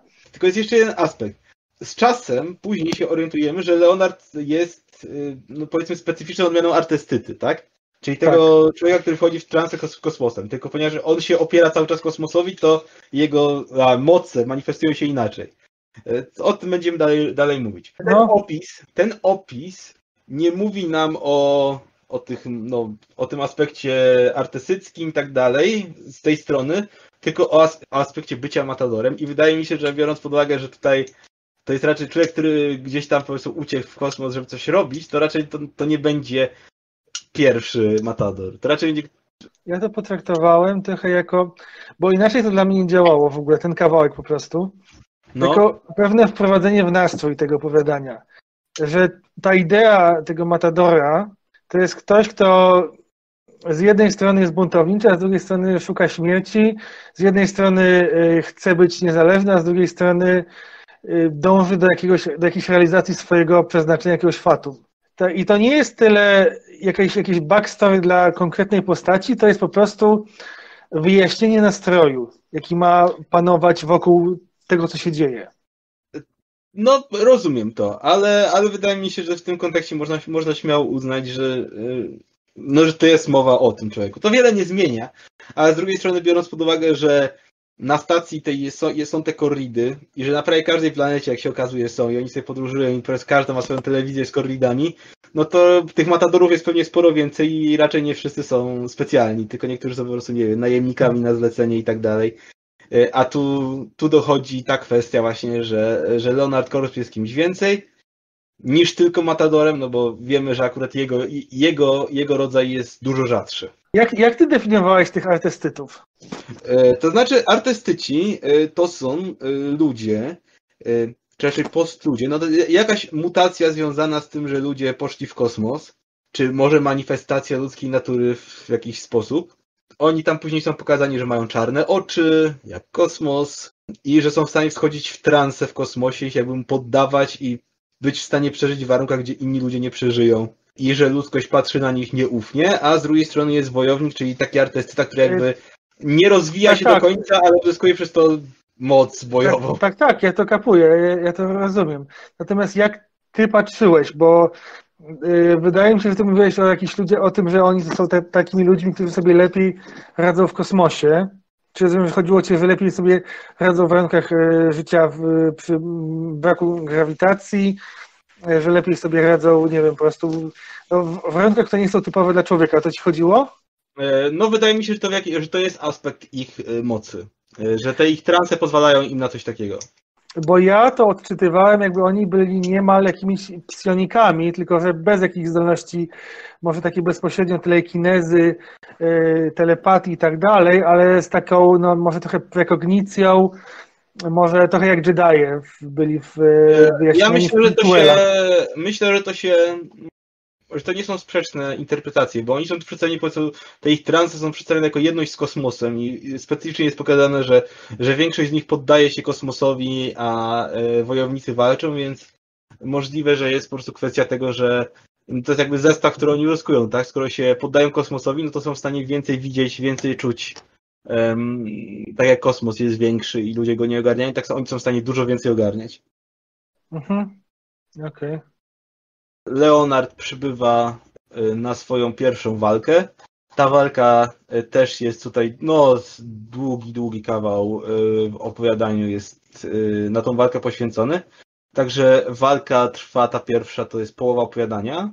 No i właśnie jest, jest wzmianka o tym, że jest incyciel, później jest wyjaśnione, że incyciel jakby reguluje, kiedy Matador dostaje którą broń. Teleportuje mu na pole bitwy bronię, jakie bronie może użyć, to zależy od tego, jakie są stawki na Matadora, czyli jest ten aspekt, powiedzmy, kapitalizmu. Trochę jak w Hunger Games, Igrzyska Śmierci.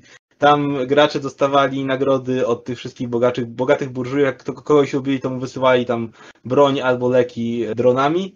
Tak tutaj to, to jakie bronie jest w stanie użyć y, Leonard zależy od tego, no jak tam się podoba widowni. I mamy właśnie Leonard y, walczy z bestią, która się nazywa Antrak duerrański. Walka jest w stanie nieważkości, jest arena wydzielona właściwie tylko polem grawitacyjnym, e, atmosfera raz ludzka raz planety kos kosmity, żeby jakby zbalansować, zbalansować te siły i umiejętności uczestników walki. I Leonard porusza się to, jeśli dobrze rozumiem, odpalając mini ładunki w jego kombinezonie. Kombinezon nazywa się Szaretta. Nie wiem, czy to jest prawdziwe. Nie sprawdzałem, czy to jest prawdziwa nazwa kombinezonów matadorów y, w naszym świecie. Nie zdziwiło mnie to zupełnie. Tak, odpalając te rozmaite ładunki, jest w stanie się przemieszczać y, na arenie, unikać y, bestii. E, wpisałem, wpisałem w internecie Szaretta i wyszło mi Mosze Szaretta. Mosze? Tak. Okej. Okay. I mamy, mamy walczyć z jakąś bestią, która wygląda Bo po prostu... Moshe Szareta sformułował e, piąty rząd Izraela w 1954 roku. Okej. Okay. Z bestią, która wygląda trochę jak z Lovecrafta, że ośmiotonowe bydle z, w kształcie połówki ziarna fasoli, z którego odchodzą dwa toziny kończyn, cztery przednie i dwie tylne uzbrojone w ostre jak skalpele pazurokły, wszystkie bardzo silne, troje oczu i tak dalej, y, cały owłosiony w sposób, który go chroni, wszystko jest pancerny szkielet, więc po prostu bestia taka, taki kosmiczny byk do kwadratu po prostu, tylko jeden otwór, gdzie można go trafić, no tak jak Matador musi trafić szpadą byka w serce, żeby go zabić. Tak tutaj. Tak, to troszeczkę tak jakby y, do Dungeons and Dragons zaadaptowano trochę pomysłów Lovecrafta. E, tak, no taki potwór, kosmiczny monstrum. No w sumie bardzo ładny opis. E, czy, czy bardzo nowatorski? No nie, no wiesz, dużo macek i tak dalej, ale z drugiej strony z drugiej strony, no pewna funkcjonalność e, fizyki wymaga, że no, jest ograniczona ilość kształtów, które mogą działać jako funkcja dla żywego stworzenia, więc z drugiej strony. No, no spoko, musiało no. być coś, co trochę przypomina byka chociaż.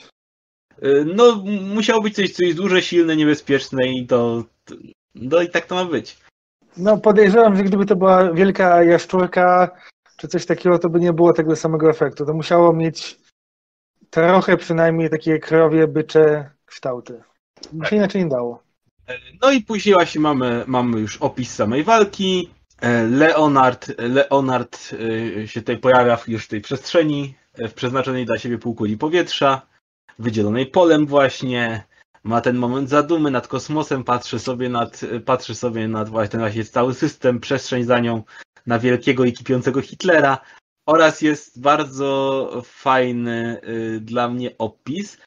Y, to, co mówiłem o stylu, że moim zdaniem ten styl jest lepszy niż o tej galerze, w sensie no ciekawsze, cieka, ciekawiej jest używane, y, operowane słowem, trochę, ale, ale ciekawiej. Jest, jest tekst, gdzie pojawia się księżyc za Waszyngtona, gdzie są maszyny wydobywcze i opis jest taki. Satelita wytrwale pokonywał swą drogę, wieczną drogę dla, do śmierci. Dla tych na dole wschodzi piękny i wspaniały, złoty w czerni.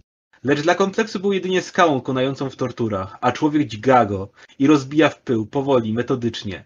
Człowiek jest okrutnym stworzeniem dla rzeczy martwych i żywych i dla siebie. Mnie to się wydawało takie trochę nadmiernie poetyckie. Dla mnie to jest opowiadanie, które się powinno mieć takie wstawki. No, ten cały, wiesz, Hemingway na początku, ten cały nastrój, to jest nastrój, który zasługuje na takie wstawki. Ja zresztą później będę miał właśnie bardziej problem jak po tym. Właśnie to jest to, ta połówka opowiadania, e, te kilka epizodów jest, no, dość obfite są, tak? W sensie ta walka jest długa, wcześniejsze rozmowy są dość długie, i tak naprawdę na 30, na 29 stron jesteśmy na 15, no czyli za połową, kiedy walka się kończy. Spoiler, Leonard wygrywa. Oczywiście nie muszę Państwu tłumaczyć, że tak jak w przypadku poprzedniego opowiadania, liczę, że przeczytaliście to, przeczytaliście je, tak? Że ono jest dostępne w internecie, jest łatwo dostępne, więc tak, zróbcie to, bo tak wypada. Później właśnie y, Leonard patrzy na ten kosmos, później daje popis, bo trzeba dać popis widowni, żeby y, lepiej obstawiała na Matadora, że on pokazuje ładnie, że ładnie się steruje sobą w popisowy sposób w przestrzeni. No i później dostaje pikę, która jest w sumie jak pika, tylko jeszcze razi prądem, tak? No i jest walka. Walka jest jak walka, w sensie no jest wielkie zwierzę, które lata po tym polu i próbuje rozszarpać naszego bohatera na kawałki. Bohater, prawda, jest bardzo zwinny i steruje bardzo dobrze sobą. No jest to ładnie pokazane, że bohater jest naprawdę, naprawdę dobry, choć oczywiście też ma problemy jak wtedy, kiedy jeden, jeden z tych ładunków, którego, którymi kieruje sobą w nieważkości, to jeden z tych ćwieków trafia go z powrotem odbity, wytrąca go z równowagi i zostaje od razu bohater ranny. Wiesz, mam jeden problem z tą walką, mianowicie ona jako taka moim zdaniem nic nie dodaje do tego opowiadania. To jest dłuższa sekwencja, która jest po prostu no, taką trochę stereotypową sekwencją akcji. Bo to nie jest coś, co dodaje, eksploruje problematykę tego opowiadania. Tylko jest takie no na owłos, tak? Ale no też o to ma chyba chodzić. O, w, w tym, to, taka jest rzecz w Korlidzie, żeby Matador celowo podchodził, zanim zabije bestię tak blisko, żeby, żeby było niebezpiecznie. I jest też pokazane, jak istotny jest y, insyciel. Czy to powinno się mówić insyciel, czy to, jest, czy to wychodzi z czegoś innego? Jak myślisz, bo mam wrażenie, że, y, że jest jakiś sens w tym słowie insyciel, którego ja nie ogarniam. Jakiś... Nie miałem żadnych tutaj podejrzeń. Znaczy, zgadzam się. Ja nie wiem dokładnie, co to miało, z czego to miało wynikać. Nie jest quasi hiszpańskie. Moje, po, znaczy powiem tak, moje podejście w takich przypadkach jest, jeżeli dochodzę do wniosku, ok, nie wiem, nie wiem z czego wynika to słowo, to po prostu o, widzę, widzę y, sekwencję znaków i wiem z czym to kojarzyć, ale potem już nie wnikam głębiej.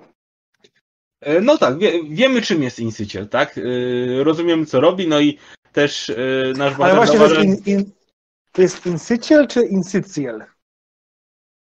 A, dobre pytanie. Insyciel czy insyciel? Insyciel brzmi lepiej trochę chyba. No już będziemy mówić, myślę, że nie ma innych słów, które mogą się pomylić, więc jeśli powiemy coś takiego, to chodzi nam o to.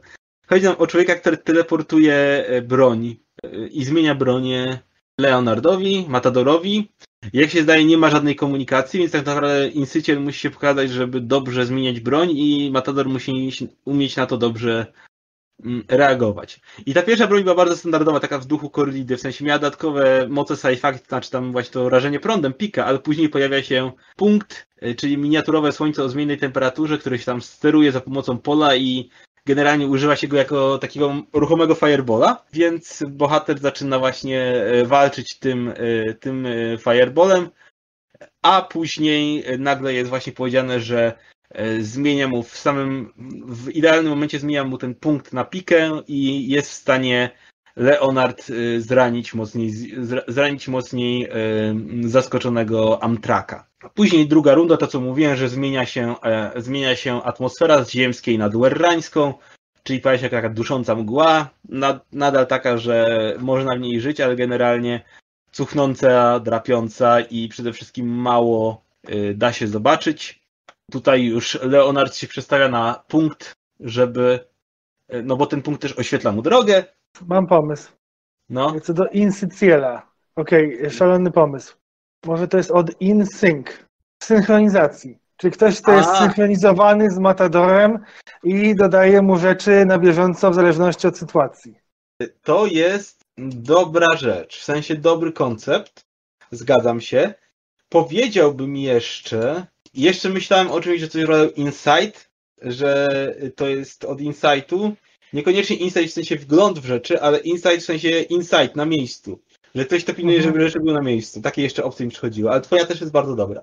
E, Leonardowi udaje się w tej e, drugiej części e, uśmiercić Amtraka, a czyni to po tym, jak jeszcze wchodzi w taki swój własny trans, tak, w którym nagle widzi cały ten kosmos, bo staje przy granicy pola, gdzie widzi więcej niż, y, niż pozwala mu ten gaz cały duerrański. Mm, I jest też powiedziane właśnie, że, że, amatorzy się ustawiają w środku, że niby, żeby nie mógł ich atakować, ale najlepiej jest ustawić się y, plecami do ściany, żeby móc kontrolować, żeby y, bestia nie mogła podejść z każdej możliwej strony, tylko właśnie z jednej, żeby ograniczyć jej pole manewru. Po tym transie, kiedy prawda, jakby kosmos go jakby prawie że pochłania, patrzy na wszystko, patrzy, patrzy, a później właśnie wyrywa się wszechświatowi i to jest dokładnie ten moment, kiedy ten trans i kontrtrans dają mu idealny moment, żeby wepchnąć y, to słońce prosto tam w to gardło y, Amtraka i go zabić. Więc jest, jest ten aspekt, że bohater wchodzi jakiś taki trans, prawie już jest sparaliżowany, zaraz, zaraz zginie, prawda, bo nie, nie panuje nad sobą, a później nagle i, i wygrywa. No i później próbuję się zorientować, kim był ten incyciet, bo chcę mu tam podziękować, dowiedzieć, co to za człowiek i w ogóle, nie, że tak dobrze, tak dobrze mu pomagał. Ale nie wiadomo, poszedł sobie. Poszedł sobie dużo wcześniej nie, nie, nie czekał, aż mu tam Matador odpali stawkę, jak jest zasugerowane. No i wychodzi pytanie, co się teraz dalej będzie działo. I dalej mogę rzec, że opowiadanie przyspiesza trochę, mam wrażenie. W sensie kolejne punkty będą, będą bardzo szybkie i mam z tym mieszane tak, uczucia. Tak, dzieje się, dzieje się bardzo dużo, natomiast to niekoniecznie powoduje, że to jest bardziej czytelne, że więcej, więcej rozumiemy, powiedzmy. Nie miałem żadnego problemu ze zrozumieniem, mogę powiedzieć. Po tym dość powolnym, kiedy dużo miejsca jest poświęcone na przybycie Leonarda, jego negocjacje, pierwszą walkę, to później wszystko zaczyna dziać się dużo szybciej. I to jest, jeśli chodzi o mnie, przede wszystkim stylistyczny problem. Bardziej w naturze opowiadania niż problem taki, że nie rozumiem, co się dzieje. Bo kolejna scena, kolejna scena jest bardzo prosta, w sensie przybywa e, gość z jakiejś firmy, która chce, żeby tam sobie reklamę na jego, na jego tej szaretcie wykupić. E, umowa marketingowa, bo matadorzy są celebrytami, więc sportowcami, więc to jest ważna rzecz. E, Leonard im odmawia i mówi, że on w ogóle nie jest zainteresowany żadną, ta, żadną taką kwestią, nie podpisze żadnej umowy i no, tamten się wycofuje dość szybko, to też jest dość krótka umowa i mówi, proszę pamiętać, że byliśmy pierwsi i sobie wychodzi. No i dzwoni do niego Szostenko, umawia na kolejną korridę, stawka zostaje ta sama, bo hej, przecież masz te kontrakty reklamowe, o nie, jednak nie. I dalej Leonard, ponieważ mam, mieliśmy wcześniej ten aspekt, że on jest, że no jakieś, jakieś przeczucie, że coś jest nie tak, że coś go ściga. Dalej go to prześladuje w jakiś sposób, no to postanawia no, wystawić się na widok publiczny, jeśli dobrze rozumiem. To jest, to jest rzeczywiście etap, gdzie, gdzie mam pewną wątpliwość co do motywacji bohatera. Ale w każdym razie udaje się do restauracji slash kawiarni. Yy, kawiarny restauracja, czyli w żargonie tego świata kotr. Tym kotrze. Jak Dukaj tutaj ustami jednego z bohaterów się sam krytykuje, głupieją na punkcie tych nazw. Ja mam wrażenie, że tam to jest jednak zasugerowane, że on od samego początku miał pewien plan i wszystko, wszystko to, co widzieliśmy wcześniej, to jest część tego planu. Jest, jest, tak jest możliwe, jest możliwe. Idzie do tej restauracji, tam się zderza ze starym znajomym, z, który jest y, z Panterem Vandergate'em, y, który jest łowczym, czyli jak jest wytłumaczone, łapie kosmiczne bestie i dostarcza je na areny, dzikie. E, tutaj i było powiedziane, że Leonard po raz pierwszy walczył z hodowlaną, czyli teoretycznie bardziej niebezpieczną, bo trenowaną całe życie, tak jak trenowane są byki, byki hiszpańskie, więc są teoretycznie niebezpieczniejsze niż, nie wiem, wypuszczą ci randomowego bizona, bo bizon po prostu nie wie, nie wie co robić, tak? To byk, byk wie. Byk jest już zdenerwowany i wkurzony. I tutaj, prawda, Leonard, Vandergate w ogóle myślał, że Leonard nie żyje, bo ktoś mi powiedział, że rozszarpała go jakaś bestia w jakiejś innej walce, co nie jest wytłumaczone, czy to się stało, czy nie. W sensie, czy Leonard to jakoś upozorował, czy nie, czy to jest po prostu plotka. Jest kolejne śmieszne słowo, które bardzo mi się podoba, chociaż nie wiem też z czego wynika, ale uwierzyłeś mu? Toż to Fantler. To, to jest właśnie takie fajne używanie dziwnych słówek, które, to mi się podoba, tak mogę powiedzieć, takie, tak jak jest tutaj sformułowane to. Mnie to, mnie to brzmi jak niemal jak coś z gwary międzywojennej całkiem możliwe. No i później tam sobie dyskutują, jedzą jakichś kosmitów, e, prawda, e, o, nazwy są takie typowo kosmiczne, czyli e, kosmita po kosmicznemu, prawda, ufoludek po galaktycznemu i tak dalej. Nie no, żartuję, ale, ale no w tym duchu, że wszystkie te nazwy potraw są zupełnie nie wiadomo skąd. Dyskutują trochę o, czym to, o tym, co się działo między ich ostatnim spotkaniem. No i w międzyczasie ten łowczy mówi, że no właśnie przyleciał tutaj, żeby zabezpieczyć interesy, że jeśli te strajki hodowców będą postępować, no to jego interesem jest, żeby stworzyć rezerwy dzikich zwierząt e, na Hitlerze i dodatkowe zamówienia dla łowczych. Czyli jest, jest mniej więcej powiedziane, mówią właśnie, jest, jest kolejna egzystencjalna wzmianka, że życie, życie nie służy do rozmyślenia nad tym, co mogłoby się stać. Gdybyś był innego zdania, nie zostałbyś łowczym, a ty matadorem, tak? Czyli mamy tych dwóch przedstawicieli profesji, które są takie mm, wyjątkowe pod względem mentalności, także jedni, jedni polują, a drudzy zabijają na bestie zawodowo oddzielni, tak jak ci herosi, y, herosi w ich wspaniałych samochodach. To też mi brzmi trochę jak, to też mi brzmi troszeczkę jak pewne wywody, które się pojawiały w perfekcyjnej, perfekcyjnej niedoskonałości. E, te całe rozważanie, że mogę stać się kim chcę, ale to, jaką decyzję podejmę, zależy od tego, kim jestem teraz, a to, kim jestem teraz, nie zależało ode mnie. No dokładnie, dokładnie. Dla mnie dla mnie cały ten e, aspekt yy, właśnie jest. A to jest jakby kolejny etap przygotowania. Tak naprawdę w tym momencie się zaczyna to, o co niby o co chodzi, tak? Że później się żegnają i mm, Leonard. Leonard najpierw ma dziwną wizję, nieprawdziwą wizję, że do e, restauracji przychodzi faun, czyli jak rozumiem w tym zakresie kosmita, z ochroniarzami jako ambasador, ale mimo, że jest ambasadorem, to go wypraszają, że to jest restauracja tylko dla ludzi, ale to jest tylko wizja. Leonard po chwili od tej wizji odchodzi i wtedy y, widzi, że w drzwiach stoi dziewczyna, na niej skupiona była uwaga gości, leniwie ilustrowała pomieszczenie, kiedy spojrzała mu w oczy, wiedział już, że się udało. Był przeklęty. I to jest właśnie ten moment, kiedy ja zdałem sobie sprawę, że ta szybsza akcja w pewnym momencie nie przekłada się na większe zrozumienie dla mnie ta, dlaczego akurat była taka ta wizja senna? Czy to była wizja wywołana przez, y, wywołana przez y, tą artesytkę, żeby tych ludzi jakby, y, że ludzie to widzą, a on, te, on, on to jakby rozproszy, bo jest wojownikiem? E, czy to jest jego własna wizja, bo ma urojenia jakieś, albo no wizję od wielkiego łowcy, czy cokolwiek. Faun w sumie ma, wiesz, wielki łowca to jest niby Cerunos y, w mitologii celtyckiej, taki trochę człowiek pół jeleń, pół człowiek. E, I tutaj Faun to pół człowiek, pół kozioł. Nie wiem, czy to jest ma jakiś związek, no ale w obu przypadkach mamy pół człowieka, pół bydle. Y, a może, to jest metafora, a może to jest metafora tego, że on jako matador i, y, i ten artesyta, wojownik to jest taki, wiesz, nie człowiek i go tak naprawdę by wszyscy wywalali z restauracji, gdyby wiedzieli, kim on jest. E, ale wygląda jak, wygląda jak człowiek, trudno, trudno, trudno im powiedzieć. No właśnie to jest problem, że technicznie każda interpretacja jest tak samo sensowna, ale nie ma żadnych poszlak, żeby jedną wybrać. Tak, ale po tym tajemniczym aspekcie przechodzimy raczej do bardzo prostej fabuły idącej do końca. Jedna już bardzo prosta w tym momencie moim zdaniem. Więc e, e, w ten Leonard przychodzi do mm, swojego mieszkania, ona udaje, że jest prostytutką, ona mu tłumaczy, że, że twoje oczy, ona, a, tak, zdejmuje szkła kontaktowe od razu, żeby było, wcześniej miała jakby zamaskowane oczy, Zdejmuje szkła kontaktowe, ma wielkie dwie, dwie ciemne plamy zamiast oczu, czyli oczy artesyty, jak jest później zasugerowane. Ona mu mówi, że twoje oczy nie będą takie same, bo jesteś wyjątkowym artesytą, ale nie takim jak myślisz. Jest zasugerowane, że tutaj Leonard jakby uciekał może, bo sądził, że jak ludzie się orientują, że jest artesytą i zacznie się jego transformacja, to będzie musiał, nie wiem, dołączyć do korpusu artesytów. Nie jest to powiedziane. Nie jest mocno powiedziane, jaki jest status artesytów w tym świecie, w sensie działają tutaj trochę jak loża masońska jakaś, czy iluminaci, ale, yy, ale nie jest do końca powiedziane. A może bardziej jak asasyni, bo jest stary człowiek w starym fotelu. Później przechodzimy jakby do innego bohatera, starego artesyty, który jakby kieruje tutaj artystami chyba na Hitlerze albo na tym kompleksie.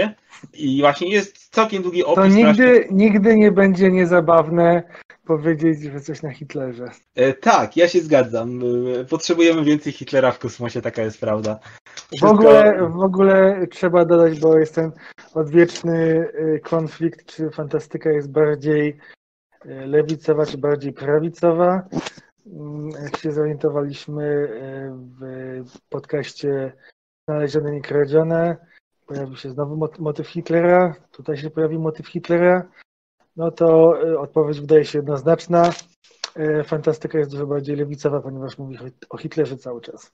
Tutaj Duka i z tymi nazwami. Później, później te nazwy, właśnie używanie tego typu nazw będą jeszcze wracać czasami, choćby w ziemi Chrystusa, prawda?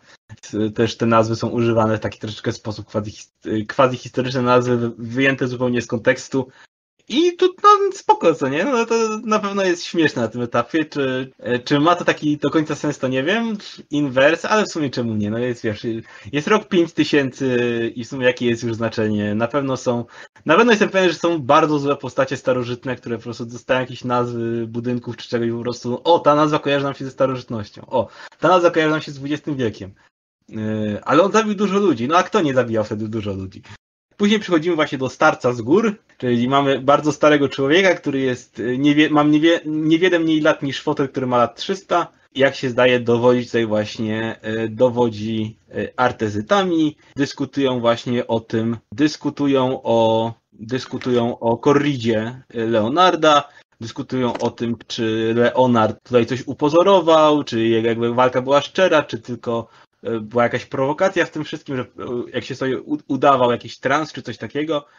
Zastanawiają się, jak go zabić. Jeszcze tutaj dorzucę jedno, bo, bo szukałeś takiego porównania, czym oni by byli, czy iluminatami, czy czymś. No. Mnie się trochę skojarzyło, że oni są tymi władcami czasu, a ten Matador to jest y, doktor Hu. Wyłamujący się z, z norm społeczeństwa, który jest zagrożeniem dla jego istnienia. Trochę tak, tylko on o tym nie wie, tak? Więc to raczej jest taka organizacja właśnie, która wie więcej o, no, tajemnicach kosmosu, eliminuje takich, którzy mogą jej zagrozić, zanim się jeszcze zorientują, że są też specjalni, tak?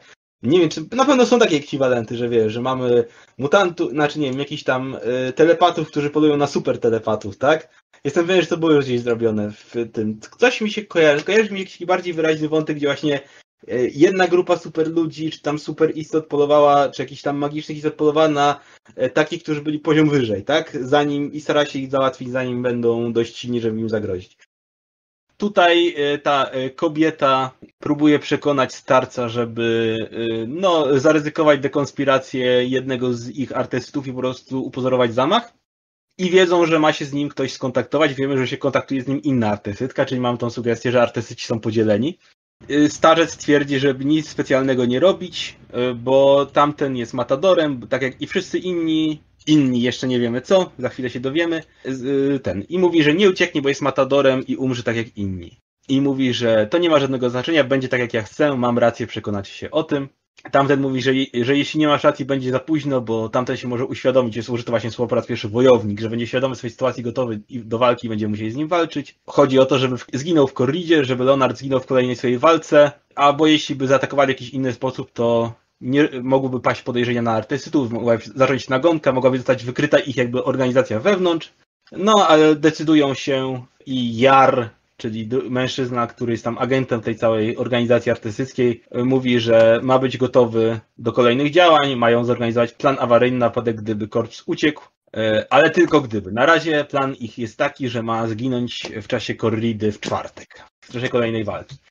No i później przechodzimy do tego, że Izabel tłumaczy, że tak, jesteś artystytą matadorem, walczysz, jesteś wojownikiem, nie ulegasz kosmosowi, i w tym tkwi jego wielka potęga. Jest wytłumaczone, że zwykli artesyci zabijają wojowników, bo się ich boją. Jest to głównie, głównie jest to pokazane tak, że oni się ich boją, tak? Że pojawiają się wojownicy, ale właśnie żaden wojownik jeszcze nic nie zrobił, bo artesyci ich od razu nóż w plecy, tak? Że znajdują sposób, żeby ich zabić. Jak się okazuje w dużej mierze, ten sposób, żeby ich zabić, to właśnie e, przez sabotaż ich walk w korridzie, tak? Że, że natura wojownika sprawia, że oni w tych w tym kosmosie zostają matadorami, bo to jakby jest odpowiednie dla nich. Przynajmniej póki co zostają wszyscy matadorami. A może artysta, który zostaje matadorem, to się rozwija w wojownika, trudno mi to ogarnąć. Oczywiście Leonard to nie wierzy, bo yy, nikt nie wie o wojownikach, bo wszyscy zostali zabici, więc hej, wszystko, się, wszystko pasuje do siebie. No i jest wzmianka, że, yy, że część artystów uważa, że wojownicy są przeklęci, że nie należy, do, do, nie należy y, dopuścić do ich rozwoju, ponieważ pojawiają się rzadko i mało, to się ich pozbywają.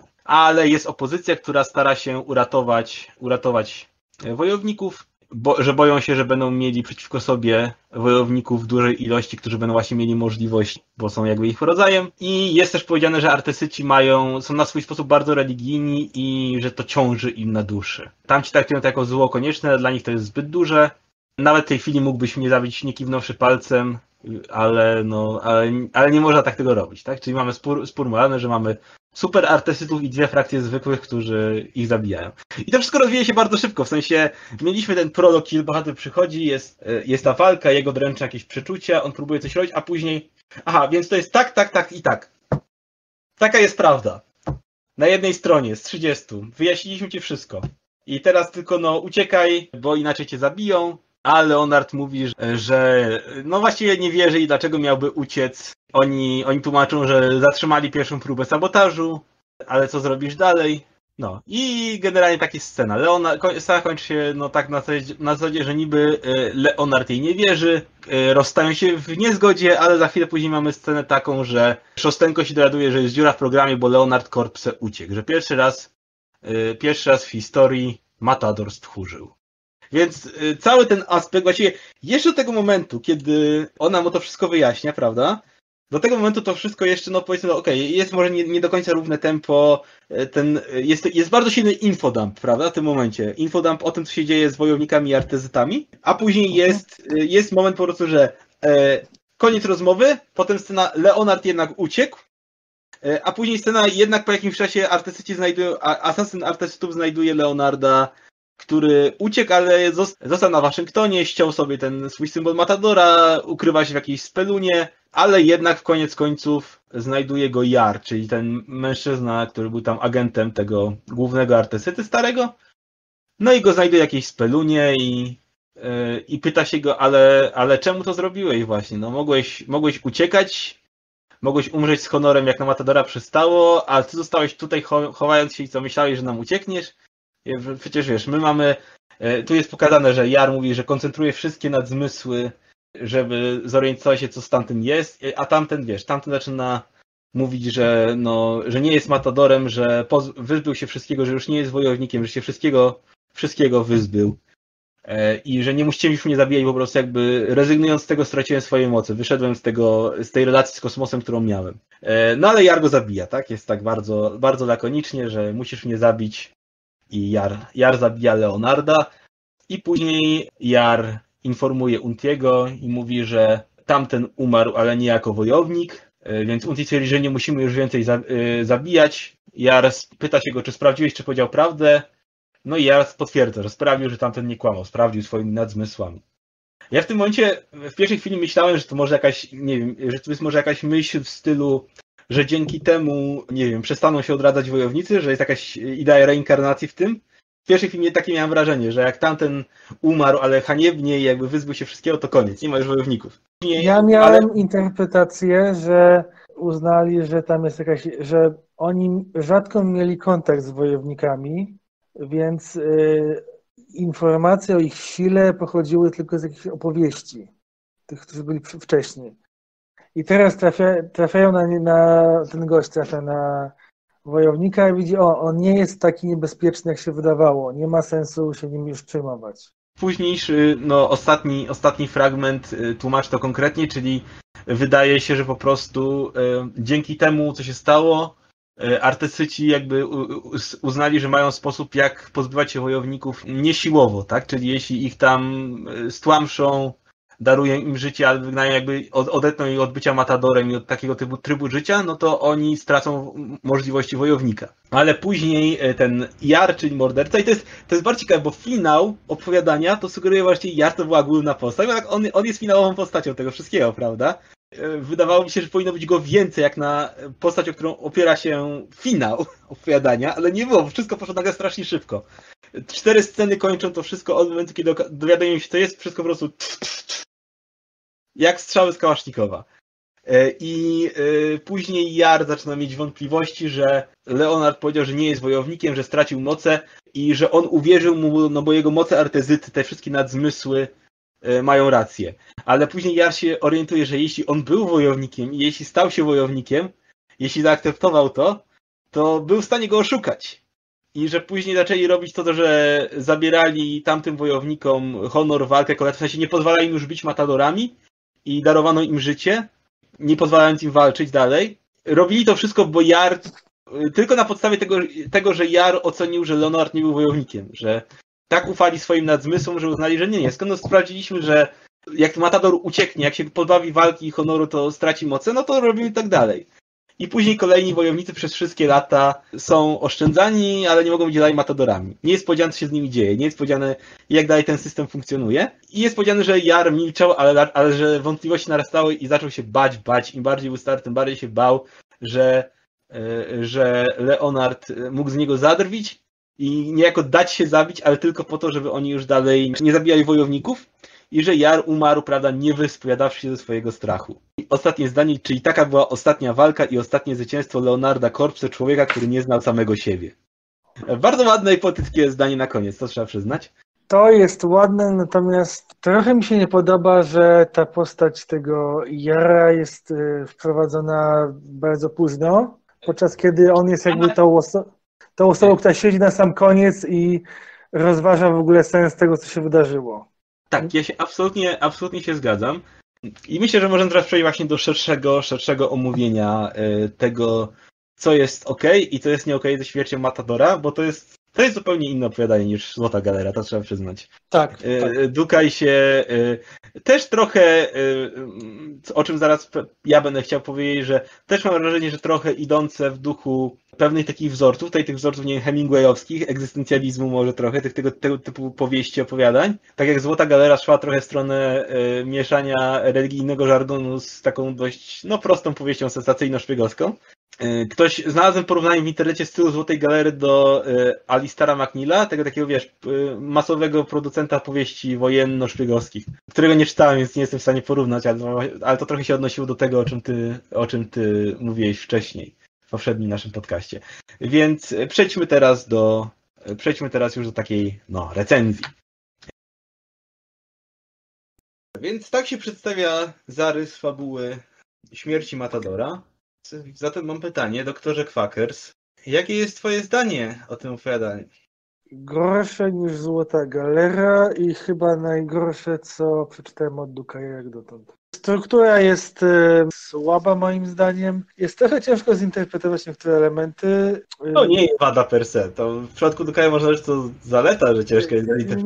Nie, nie do końca. Jeżeli to by się dało powiedzmy tak, jeżeli w takim przypadku daje się wysnuć kilka alternatywnych teorii, ale ugruntować je mocno w tym, co jest przedstawione, to okej, okay, to w porządku. Natomiast tutaj mamy sytuację, gdzie tak naprawdę można wysnuć bardzo wiele różnych teorii, bo te elementy są słabo połączone ze sobą. Nie wiemy do końca, jaka była, nie, nie rozumiemy do końca planu głównego bohatera. Nie wiemy, czy on od, od samego początku, od przyjazdu tej, do tego e, Waszyngtonu planował to wszystko, czy to jest coś, co powstało dopiero później. Nie wiemy, czy on y, uznawał jakiś fatum, czy to jest po prostu coś, co się pojawia po prostu w tekście nie ma większego znaczenia. Znaczy, może tak, to jest największy problem dla mnie. Nie jestem pewien, czy pewne elementy, które pojawiają się w tekście, naprawdę są istotne dla samego tekstu, dla samej historii. Powiem tak, tak, największy problem dla mnie, e, pomijając tą dziwną scenę z faunem, której nie rozumiem, Też tylko zamknę to, co powiedziałem.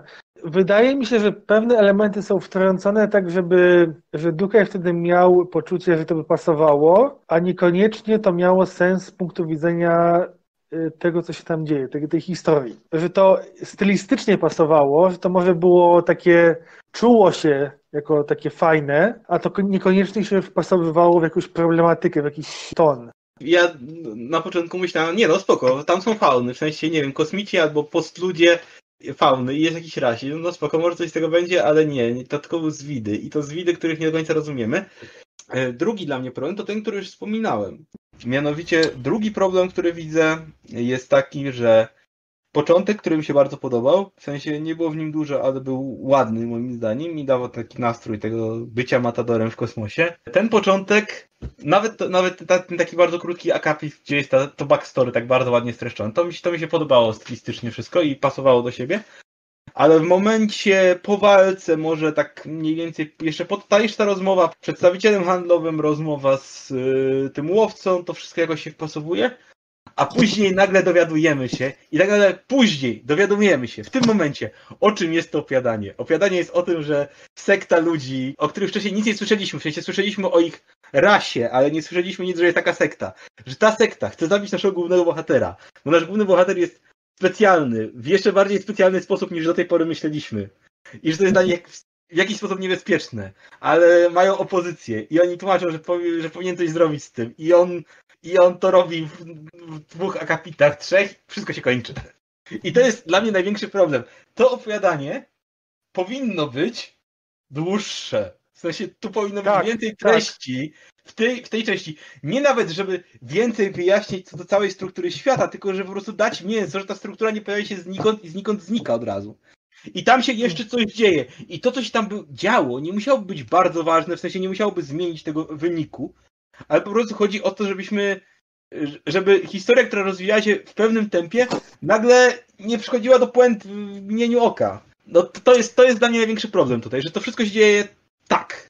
Powiem tak, tak, zgadzam się, ale dla mnie większym problemem jest to, że tu motywy są rozstrzelone po całej szerokości. Czy to jest historia o człowieku, którego prześladuje Fatum i który z jednej strony nie wie, czy je zaakceptować, czy z nim walczyć. Czy to jest historia o człowieku, który ma świadomość istnienia tej jakiejś tam kabały ludzi o specjalnych umiejętnościach, który od samego początku ma misterny plan, jak ich wyrolować. E, czy to jest historia o dwóch grupach ludzi, gdzie z jednej strony mamy Matadora, z drugiej strony tego, jak on się nazywał, ten Jar? Eee, Iar, tak. Iar, tak. Czy to jest tak, że to oni są obaj trochę jakby odbiciami lustrzanymi siebie i każdy z nich jest jakoś trochę rządzony tymi wątpliwościami, no bo ten IR właśnie wydawało mi się, że on powinien być lepiej rozwinięty, on był, y, to zakończenie tak niemal krzyczało, że on miał być w jakiś sposób inną wersją Matadora, inną wersją tego y, Leonarda. No coś I że, i że tak. tamten Leonard właśnie wybrał inną ścieżkę, która wydawała mi się przegraną, a mogła być wygraną. Ale ponieważ ten drugi gość został wprowadzony dużo później, nie trzyma się tak dobrze. Ja mam, tak, mam wrażenie, że Jar, jak na postać, na której ma się opierać puenta, w jakiejś mierze, y, jest strasznie niedorozwinięta. W sensie, ja bym nawet to widział tak, że mamy pierwsze opowiadanie, które doprowadza powiedzmy do momentu, kiedy, nie wiem, kiedy Korps się spotyka z tą artezytką, czy coś takiego i później dostajemy nie, więcej z perspektywy Jara. Wiesz, że jest dłuższa, dłuższy, dłuższy fragment opowieści z tej perspektywy i,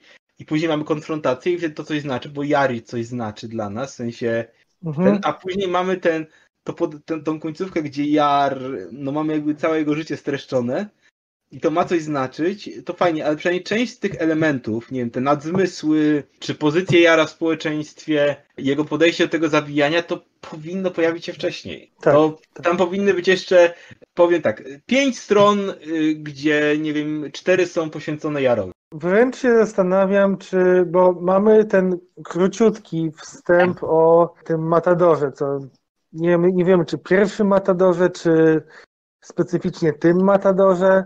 Niemal się prosi o to, żeby Jar miał taki jeżeli to jest wstęp dla Korpsa, to niemal się prosi, żeby Jar miał też swój wstęp. Co, coś w tym stylu, że to jest jakiś, że jest jakiś ten, ten element na początku, chyba, że to jest, chyba, że to jest jakiś, jakiś mit stwórczy, który spowodował, że okej, okay, z tych artyzytów się wyodrębnili matadorzy. Okej, okay, oni są, każdy z tych dwóch jest reprezentantem jakiejś ścieżki, jakiegoś podejścia, prawda? Te, no nie są super dobrze wyjaśnione też, ale on, każdy z nich coś ma sobą reprezentować. Nie jest tylko sobą jako postacią, ale jest reprezentacją jakiejś ścieżki. Mhm. I jedna z nich ma się wydawać, że niby przegrywa, ale wygrywa, a druga niby wygrywa, ale jednak nie wie, czy wygrała. No i właśnie jeden z nich nie jest do końca przedstawiony, ale też nie jest przedstawiony w ogóle origin tej ścieżki. Z czego one się wzięły do końca gdzie one się rozdzieliły, czym się tak naprawdę fundamentalnie różnią. Tak, znaczy tu też kwestia tego właśnie, że ci artyści głównego nurtu tak kasują sobie tych wojowników. Nie wiem, właśnie zastanawiam się, ale po co? W sensie, wydaje się, że ci artyzyci są ściągani prawie wyłącznie do, ci wojownicy, do zawodu Matadora, który jest i tak sam z siebie niebezpieczny, więc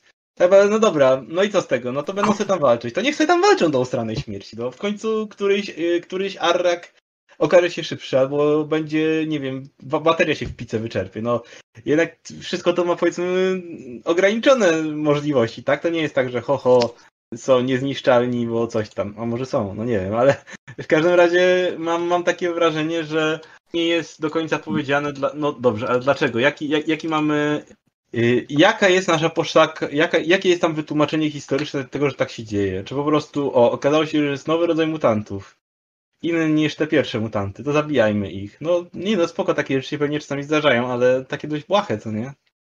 No, ale właśnie mi się wydaje, że to po prostu głównym motywem jest to, że to się wpisuje w jakiś stereotyp, w jakiś, jakieś klisze, które się no, pojawiało wiesz, w fantastyce. Cały, cały infodump dla Leonarda to jest jedna rozmowa z tą laską, której on nie zna.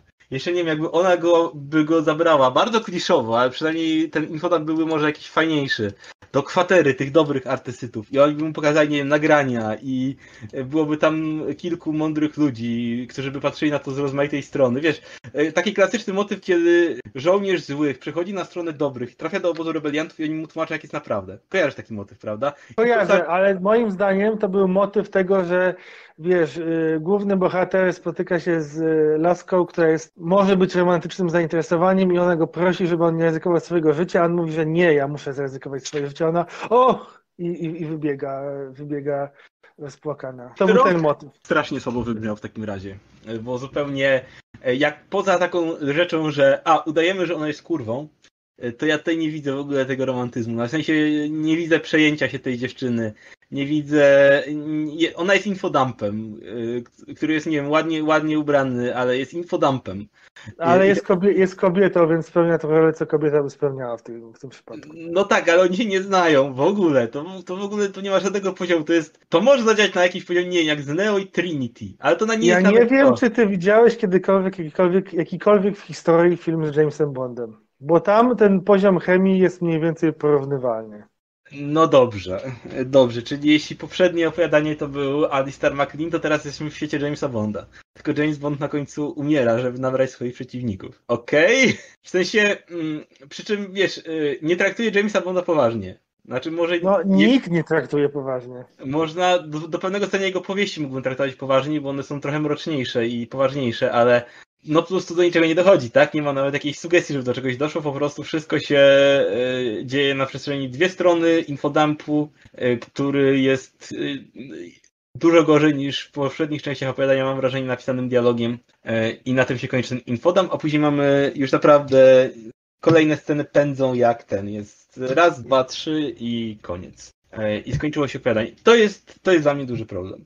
I w sumie nie mam pojęcia, czy to miało być opowiadanie bardzo o czymś, w sensie, w takim sensie jak Złota Galera ma morał, to to może niekoniecznie, to może miało być na opowiadanie bardziej właśnie, nie wiem, w duchu Hemingwaya, w duchu jakiegoś egzystencjalizmu.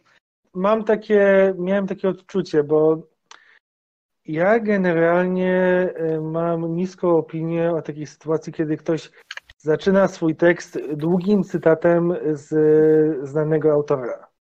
Bo to mi się zawsze wydaje taka takim podejściem pod tytułem e, nie mam nic ciekawego do pokazania, no to podepnę na początku kogoś znanego i uznanego, to od razu trochę podbije mi trochę jakość e, tekstu. Znaczy ja, okej, okay, ja nie chcę oskarżyć tutaj Dukaja w taki sposób, natomiast generalnie takie podejście mi się tak widzi trochę po prostu. Ja ci powiem, że ja akurat lubię, w sensie ja bardzo lubię cytaty, bardzo lubię jak w opowieściach są cytaty używane w jakiś sposób, sam bym używał. Szczególnie jak te cytaty są w jakiś sposób przewrotne, to akurat nie jest specjalnie przewrotny, ten cytat jest stricte nastrojowy, bym powiedział. Ale ja bym spokojnie przeczytał 30-stronicowe albo 40-stronicowe opowiadanie o kosmicznym matadorze z depresją, który patrzy w to niebo i widzi gwiezdnego łowcę i nie potrzebowałbym tam żadnego spisku z artezytami. E, mam takie trochę odczucie, bo okej, okay, wciąż mówimy o Dukaju, który był dość młody. Mhm. I mam tutaj wrażenie, że to było ok, przeczytał coś z Hemingwaya i uznał, okej, okay, zajebiste, chcę pisać w tym duchu. I... Hemingway w kosmosie. No i tak, no i to mu to wyszło. I e, rozjechało mu się po prostu. Zbyt wiele motywów chciał upchnąć w jednym e, tekście i do końca nie wiedział, e, jak to wszystko zorganizować. Tak, bo to są, to są trochę jakby dwa opowiadania, które się w połowie zmieniają, tak? Mamy to opowiadanie, które jest właśnie takie egzystencjalne, żywot Matadora, a później mamy nagle spisek mroczny, który się rozstrzyga bardzo szybko, kiedy się pojawia. E, no jest ten Matador, jest ten Matador, jest ten Matador i to się fajnie czyta dla mnie. W sensie stricte nastrojowo, ale nie, nie muszę mieć tutaj Y, takiego ścisłego moralu. Może być po prostu smutna deliberacja nad losem ludzkim i poczuciem wyobcowania w kosmosie. Co, to akurat byłoby coś, co ty powinieneś lubić, prawda? Za dużo ci się zwierzam z moich opinii o filmach. I tutaj nie potrzebuję jakiegoś, jakiejś super puent do tego, tak? To się może zakończyć w taki sposób właśnie, to nawet może powinno się zakończyć w taki sposób niejednoznaczny, i nawet można powiedzieć, że to opowiadanie się kończy w sposób niejednoznaczny, ale i może nawet ten ostatni akapit na swój sposób wraca, mimo że jest w tej drugiej osi fabularnej, wraca do tego nastroju, który mieliśmy wcześniej. Ale to dopiero epilog. A ten finał zupełnie nas z tego wyrywa. Na rzecz nie wiem czego.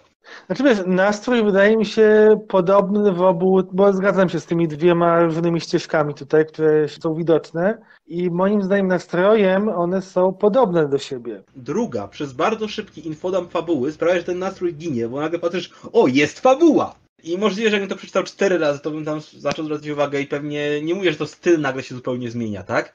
E, ale po prostu przez to, że było powolne życie Matadora, a później nagle jest fabuła, no to ta fabuła nagle cię wyrywa z tego ustalnego tempa. I moim zdaniem, no nie daje tyle, żeby zaoferować wyrwanie z tego znośnego hemingwayowskiego nastroju, który był całkiem przy, przyjemną lekturą. A tu zostaje wyrwany, na czterech stronach zostaje mi wyjaśnione, że jest wielki spisek artezytów, żeby zabijać super artezytów i że to jest ważne dla całej fabuły. I zastanawiam się, po co? W sensie, gdyby jeszcze to było od początku zaznaczane, że tam, nie wiem, artezyci szpiegują, albo było zaznaczane, że ludzie nie ufają artezytom i są, nie wiem, antyartezyckie graffiti na y, ścianach osi. Tego typu rzeczy. Żeby było zagrane, że to jest tam że to nie jest tylko egzystencjalna tajemnica, którą przemierza główny bohater, ale że coś się czai w ciemności. To może bym to łatwiej kupił, bo czekałbym na to, że coś się czai. Wiesz Czyli- co, nawet, nawet nie to, bo to by było takie też trochę nadużywany motyw. Moim zdaniem jakby po prostu było pokazane, że ar- artezyci są jakąś społecznością oczko wyżej nad resztą ludzi. I to było wyraźnie pokazane.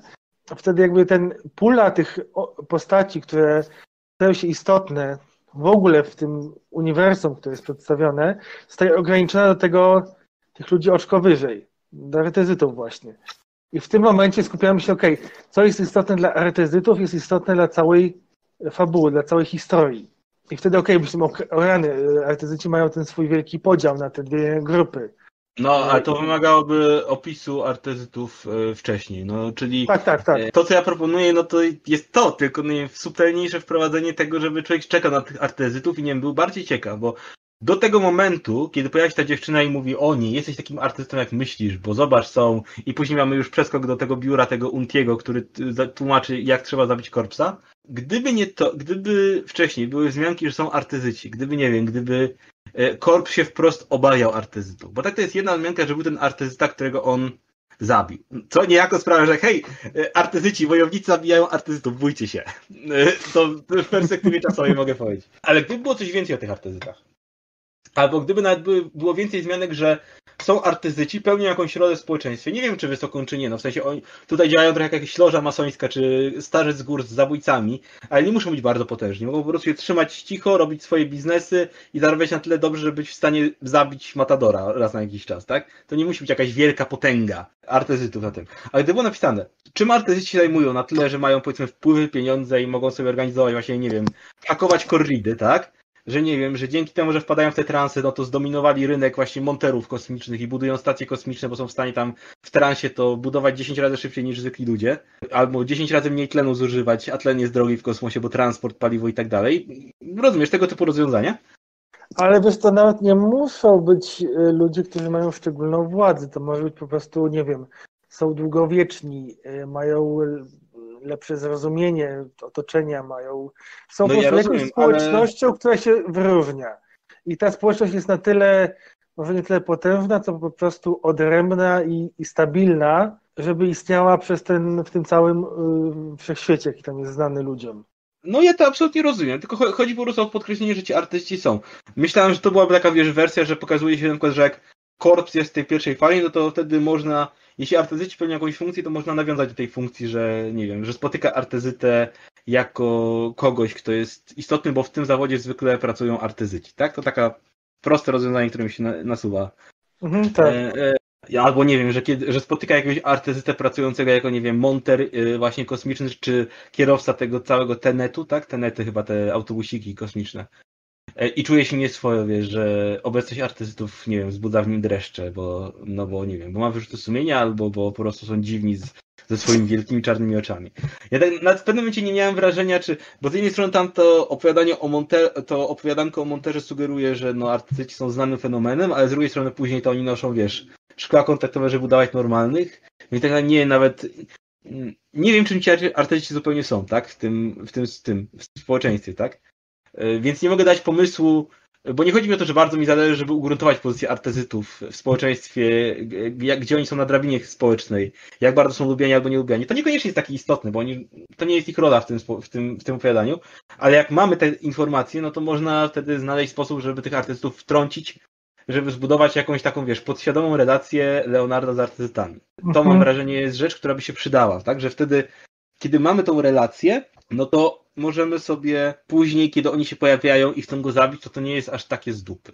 No, bo tak to jest tutaj, że e, on jest, ma jakieś dziwne przeżycia, chodzi, a później mówi, tak, jest ten wielki spisek na twoje życie, a później raz, dwa, trzy, wszystko zostaje rozwiązane. To jest tak, to jest tak jakbyś miał film o Jamesie Bondzie, e, miał e, półtora godziną wstępną scenę z jakąś nie wiem, efektowną walką z helikopterem i biegiem parkour po korridzie, a później miał 15-minutowe rozwiązanie wątku z Blofeldem. Mówiłem, Bond... mówiłem, że nawiązanie do Jamesa Bonda. Tak, James Bond dowiaduje się, że jest Blofeld, pozoruje własną śmierć, Blofeld umiera ze starości. Koniec opowiadania. tak w ogóle jeszcze mi naszło. Poza tym, że ten cytat z Hemingwaya jest o Matadorze, to czy on ma jakikolwiek związek z tym, co się dzieje w tekście? Mam wrażenie, że bardziej chodzi o budowę nastroju. Że to jest wybrany nie tylko dlatego, że jest o Matadorze, ale jest też specyficznie, wiesz, jest podkreślony taki, wiesz, rozdźwięk między losem Matadora a widownią, która go ogląda. Jest podkreślone właśnie to, jak ten Matador w tym opowiadaniu, prawda, że pierwszych dwóch Matadorów szybko przegrywa i ten ostatni musi walczyć z wszystkimi bykami, żeby publiczność była zadowolona. Jest coraz bardziej zmęczony i zmęczony i taki, wiesz, młody, młody samotny człowiek. Tak. Tak, okej, okay, okej, okay. ale y, tutaj puentą jest właśnie, że on jest zakrzyczany przez publikę, która mimo nie docenia całego jego wysiłku, prawda? A tutaj nie ma czegoś tak, nie ma takiego elementu. On, nie, nie. Tutaj główny nie, bohater jest sam i nie jest oceniany przez nikogo. Jest oceniany przez kosmos. Y, ale wydaje mi się, że chodzi bardziej o poczucie izolacji. Y, niezależnie czy poczucie izolacji w ciszy kosmosu, czy poczucie izolacji w zgiełku, bo tak naprawdę to jest bardzo podobny nastrój. Y, to poczucie, wiesz, że jesteś sam w wielkim tłumie, jesteś sam w wielkiej samotności, to nie jest takie różne. Więc ono, tak jak powiedziałem, do tego momentu, gdy zaczyna się fabuła opowiadania, to mi to grało. Wiesz, grało mi y, nawet na takim najprostszym poziomie, że taki jest los właśnie Matadora. Czyli kogoś, kto walczy ze zwierzętami za pieniądze na arenie y, w. Że to jest taki, no smutny los w sumie, że zabijasz te zwierzaki, jesteś zmęczony, tłum wrzeszczy, wiwatuje, ale jesteś tak naprawdę odizol- jesteś, jesteś sam w tym wszystkim. U Leonarda jest to bardziej jeszcze podkreślone, no bo on siedzi w tym, y, w tym polu bitwy rzeczywiście sam, no bo ludzie go obserwują to przez kamerę, a nie przez E, nie przez, e, nie ma nawet tej widowni, z której mógłby, wiesz, pomachać. Nawet jak macha na początku robi tą scenę, wiesz, popisowe obroty, no to macha w próżni, łapią do kamery, tak? Więc nawet nie ma tej, nie ma tej nawet iluzorycznej. Ten wstępny set pokazuje, że ona jest iluzoryczna, ale nie ma nawet tego iluzorycznego kontaktu z publicznością, tak? Tego realnego, realnej więzi. Więc na tej zasadzie główny bohater jest oderwany od tego wszystkiego. No, no i główny bohater też nie wie właśnie dlaczego jest taki jest. No, opowiadanie taką, taką pewność to kończy, że on nie znał samego siebie, a z drugiej strony opowiadanie sugeruje, że, wiesz, że był wojownikiem, więc wa walczył z kosmosem tylko dlatego, że taka jest jego natura i tak naprawdę nic za tym więcej nie stoi, tak? Że w sensie za tą komplikacją po prostu taki będzie, bo taka jest jego natura, tak? Taka jest natura skorpiona, zawsze ukąsi żabę i umrze samotnie. Tak, tak, tylko że no jak, jak, jak ustaliliśmy wcześniej, nie potrzeba tutaj żadnej kabały innych skorpionów.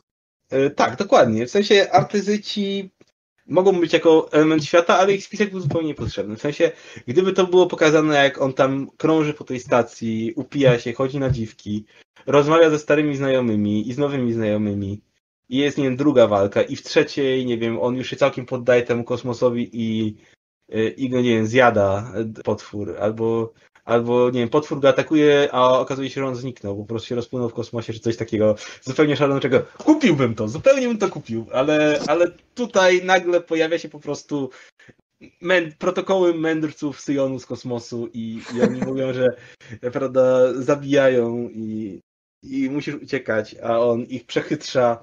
I właściwie opowiadanie kończy się tym, że on ich przechytrzył. Yy, ale nawet nie jest wytłumaczone, skąd miał wiedzę, że, że to zadziała. W sensie, skąd on zdobył informację, że no tak, jeśli udam, że straciłem swoje moce, to nawet jak mnie zabiją, to później może przestaną zabijać ludzi, bo tamci ludzie stracą swoje moce. Ale to, to jest tak na bazie informacji, które podają podanie, pokazują, że to jest strasznie cienkie. W sensie, no tak, jest tam wprost powiedziane, że to zrobili, ale, ale skąd główny bohater, jak w ogóle doszedł do tego wniosku, tak? Że to zadziała. Znaczy, to takie, to akurat bym interpretował jako taką po prostu zagrywkę. Trochę wejście w bank.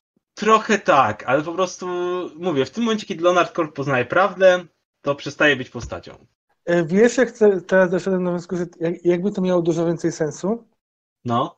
Gdyby nie było tajnej kabały artezytów, tylko po prostu główny bohater, okej, okay, jest jednym z nich, jest może nawet jakoś specjalny, ale po prostu swoim zachowaniem wkurza całą resztę społeczności. W sensie, że okej, okay, oni sobie tam istnieją mniej lub bardziej jawnie, nie są związani w jakąś tam formalną grupę, tam jakąś tam swoją hierarchię, jakieś swoje organizacje, ale po prostu wiedzą o sobie wszyscy. Każdy, każdy artyzyta wie o innym artyzycie i nagle wszyscy się łapią, że hej, jest taki jeden, który się strasznie wozi po okolicy i my przez to źle wyglądamy.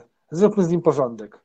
No może, może trochę tak, chociaż to też by wymagało, wymagało dość naciąganych elementów.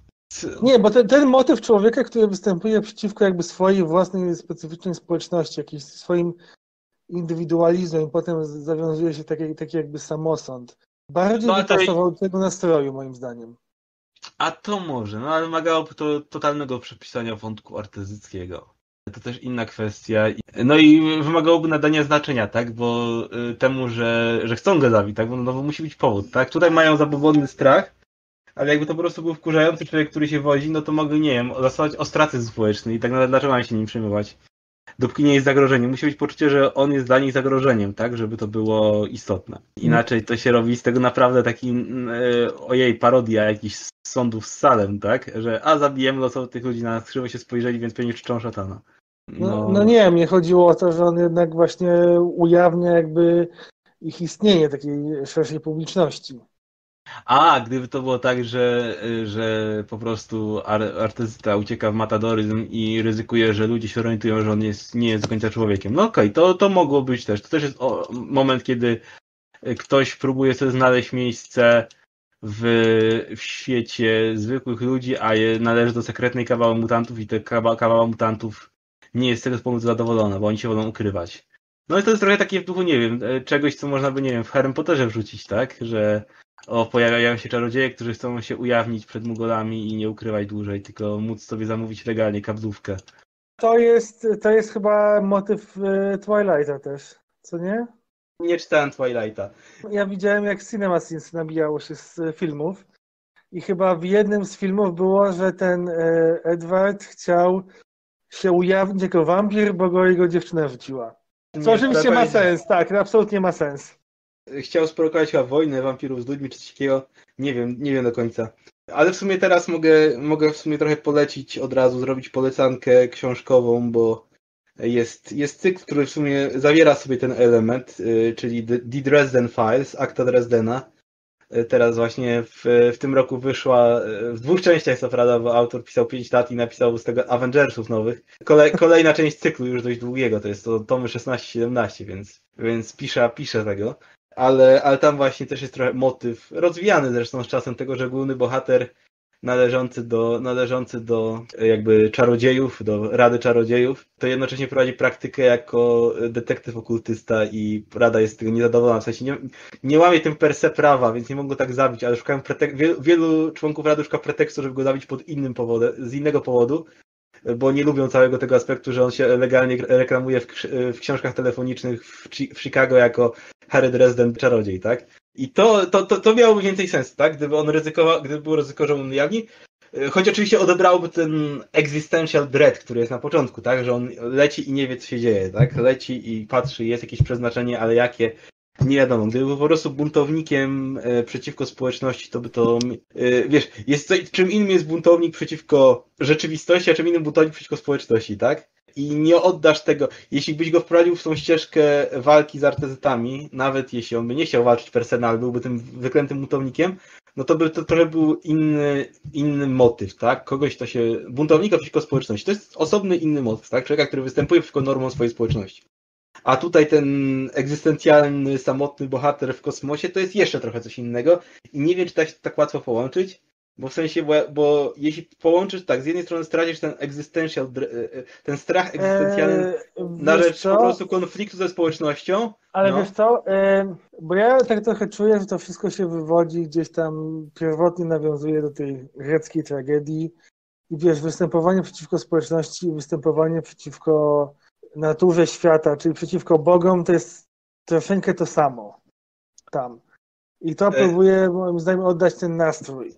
E, tak, no ale bogowie społeczność są trochę dwa, dwa, dwie różne sprawy. Co, czym innym no tak, jest... ale nie, okej, okay, nie, bo masz Antygonę, występowanie przeciwko władcy, prawda? Występowanie przeciwko tak. moralności, ale natomiast nie, może to jest moje odczucie, że jednak ogół ludzi to jest ogół ludzi jest jednak zgodny w swoim rozumieniu etyki z tym porządkiem wszechświata. To władca może, władca może występować przeciwko, ale pojedynczy ludzie mogą występować przeciwko, ale poza tym to wszyscy będą zgodni. To są jakieś normy, więc to jest coś, co większość reprezentuje sobą. Tak mi się wydaje, doktorze Quakers, że, że tu po prostu y, przede wszystkim z tych wszystkich rzeczy nie zagrała struktura. W sensie. Tak. Pierwsza połowa opowiadania jest o czymś innym niż druga połowa opowiadania. Mhm, Ej. Zgadzam się. I o ile można to wybaczyć w powieści, bo powieść może być długa i ogarniać różne rzeczy, zdarza się. To w opowiadaniu, gdzie ma się 30 stron, to nie jest dobra taktyka. To nie jest dobra taktyka, młody Jacku Dukaju, jeśli nas słyszysz w jakiś sposób. Sądzimy, że to nie jest poniżej twoich możliwości, więc może, może. To nie, to, to nie była dobra taktyka. Nadal y, za to powiem, z czym się nie, może nie do końca zgadzam, ale moim zdaniem takie rzeczy stricte stylistyczne, stylizacja języka, budowanie nastroju, to momentami wyszło ciekawiej. E, To nadal nie jest taki typowy styl Dukaja, ale może po prostu, może po prostu też kwestia tego, że taki ten prosty, sensacyjny, e, śmieszkowo-religijny styl e, ze Złotej Galery, no po prostu dla mnie takim, był trochę, jak nie wiem, jak pasta z internetu sam w sobie. Natomiast tutaj, no, są te próby jakiejś Hemingwayizacji i momentami je doceniam. Choć nazwiesz pewnie banalnymi, ale ja banał podany tak, że jest mi smutno dubie. Ja tak troszeczkę jeszcze mam wrażenie, że rany, przypomina mi się ten tekst przepowiedni z, ze Złotej Galery, e, Tak?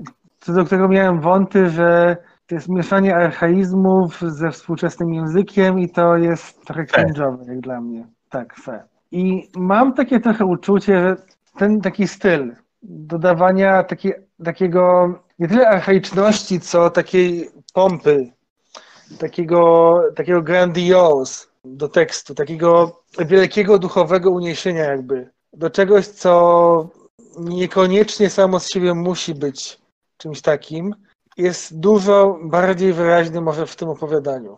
Że musimy cały, ca, co chwilę mamy to odniesienie, że o ten wielki łowczy patrzy, gwiazdy patrzą, y, fatum, fatum klątwa, y, wielkie spiski, konfrontacja z, z, z ostatecznością wręcz. Tak, to jest jakiś może nastrój, ale to jest właśnie trochę budowanie nastroju, jeszcze może niezręczne, ale, ale mam wrażenie, że y, na miejsce jakimś, za to, to tak jak mówię, no to co jest- dzieje się później nie jest na miejscu, co dzieje się później jest dziwne i, i mogłoby być tematem na inną opowieść, nie wiem, na krótką powieść, spokojnie dałoby się coś zrobić. Dałoby się to połączyć, tylko no nie, nie, nie w tak krótkiej formie, nie tak, nie tak łącząc to, jak jest połączone.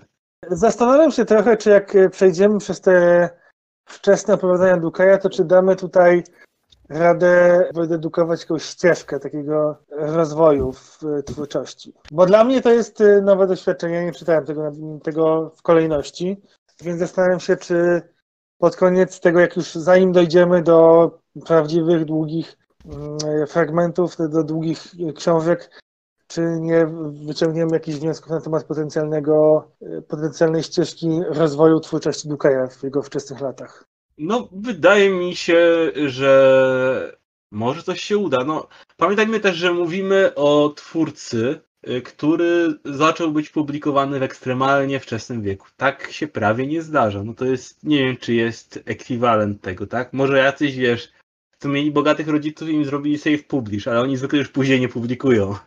Chyba, jak się nazywa ta, ta historia o tym smoku? Dagon? Dagon? Eragon, tak. To było, autor był dość młody, ale potem chyba nic nie opublikował. E, Właśnie nie wiem, czy Christopher Paolini opublikował coś po, jak się nazywał ostatni tom? Dziedzictwo? Ja czy do któregoś momentu czytałem Paoliniego, a później, e, ale nie skończyłem całego, bo, bo zaczęło się robić to troszeczkę nudne.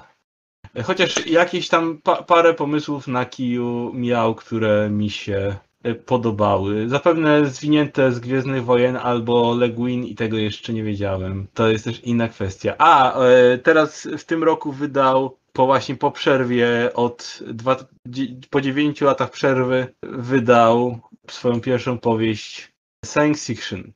i nawet zyskała popularność. Możliwe, że poskładał, poskładał się do... No wiesz, z drugiej strony Paulini, skoro był w stanie no mimo wszystko napisać wielkie, epicki, nawet jeśli dość mocno nieoryginalne powieści. I jednak, no to wiesz, zawrzeć w czterech tomach, to ma fabułę. No mogę, mogę, mogę zaświadczyć, że jest fabuła. Ciągnie się to niemożebnie, jest długie, ponad miarę, ale, ale jest, jest, jest. Jest kilka aspektów, które powiedzmy mogłyby być ciekawe, gdyby, gdyby się to wszystko inaczej potoczyło. No to skoro można zrobić coś takiego w takim wieku, no, miał 19 lat jak wyszedł Eragon, więc, no ale, ale pracował tym wcześniej, no to może rzeczywiście, jak już skończył to bieda fantazy i się wziął parę lat za coś sensowniejszego, to wyszło sensowniej, prawda? Całkiem sensowna możliwość. No tak, jest możliwe. E, a tu mówimy o kimś, kto pisze te opowiadania w wieku lat 15-16 i je publikuje e, w młodej fantastyce.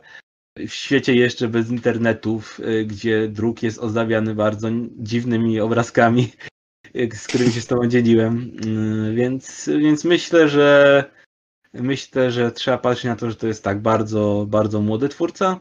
Co nadal moim zdaniem powinien zebrać te opowiadania wstępnej fazy i je wydać po prostu jako mały zbiorek. Bo myślę, że jak wiesz, jak ludzie lubią danego twórcę, to chcą po prostu przeczytać wszystko, co się da. No. I myślę, że w przypadku Dukaja spokojnie można powiedzieć, że, że nie jest to jakoś bardzo bolesne czytanie jego wczesnych rzeczy, bo rozumiem, że są twórcy, gdzie rzeczywiście nie, dobra, nie czytajcie mojej pierwszej powieści, bo jest bardzo, bardzo zła.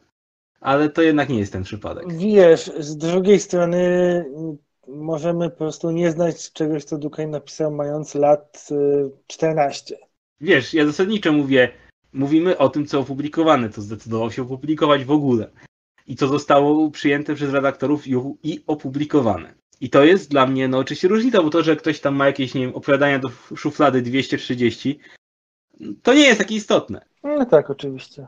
Więc cóż, yy, więc cóż, yy, doktorze Quakers, myślę, że kończymy z taką opinią, że jest to opowiadanie co najmniej dużo, dużo mniej równe niż Złota Galera. Mam jednak taką, taki dużą, dużą, duże Jestem mocno wciągnięty w rozważanie, jak Dukaj czuł, jak myślał, kiedy to pisał. Bo to jest, to jest wręcz nietypowy tekst jak na Dukaja, moim zdaniem. Prawda, to prawda. Zwykle pomijając no ten sensacyjno-szpiegowski koniec, no to ten taki rodzaj jakiś, nie wiem, egzystencjalizmu personalnego to nie jest coś, o co, w co on mocno wchodzi albo przynajmniej ukrywa to pod bardziej zaawansowanymi, bardziej zaawansowanymi konstruktami światotwórczymi. No zobaczymy, zobaczymy jak to dalej wychodzi. Myślę, że jak dojdziemy do jeszcze pięć zostało nam opowiadań tej fazy, powiedzmy, która nie była wznawiana i która istnieje tylko w opowiadaniach, później już jest kolejne opowiadania e, są wznawiane w zbiorkach, e, tych takich bardziej klasycznych, no będą pierwsze opowiadania, które później znalazły się w zbiorze w kraju niewiernych, który jest, jeśli idzie o zbiór opowiadań polskiej fantastyki absolutnym klasykiem. Więc myślę, że, że dojdziemy za jakiś czas do fazy Dukaja już takiego Dukaja, Dukajowego. I zobaczymy, jakie wnioski wyciągniemy z tych jego pierwszych prób. Cały czas pamiętając, że to i następne opowiadanie to nadal mówimy o Dukaju, który dopiero co jest w liceum.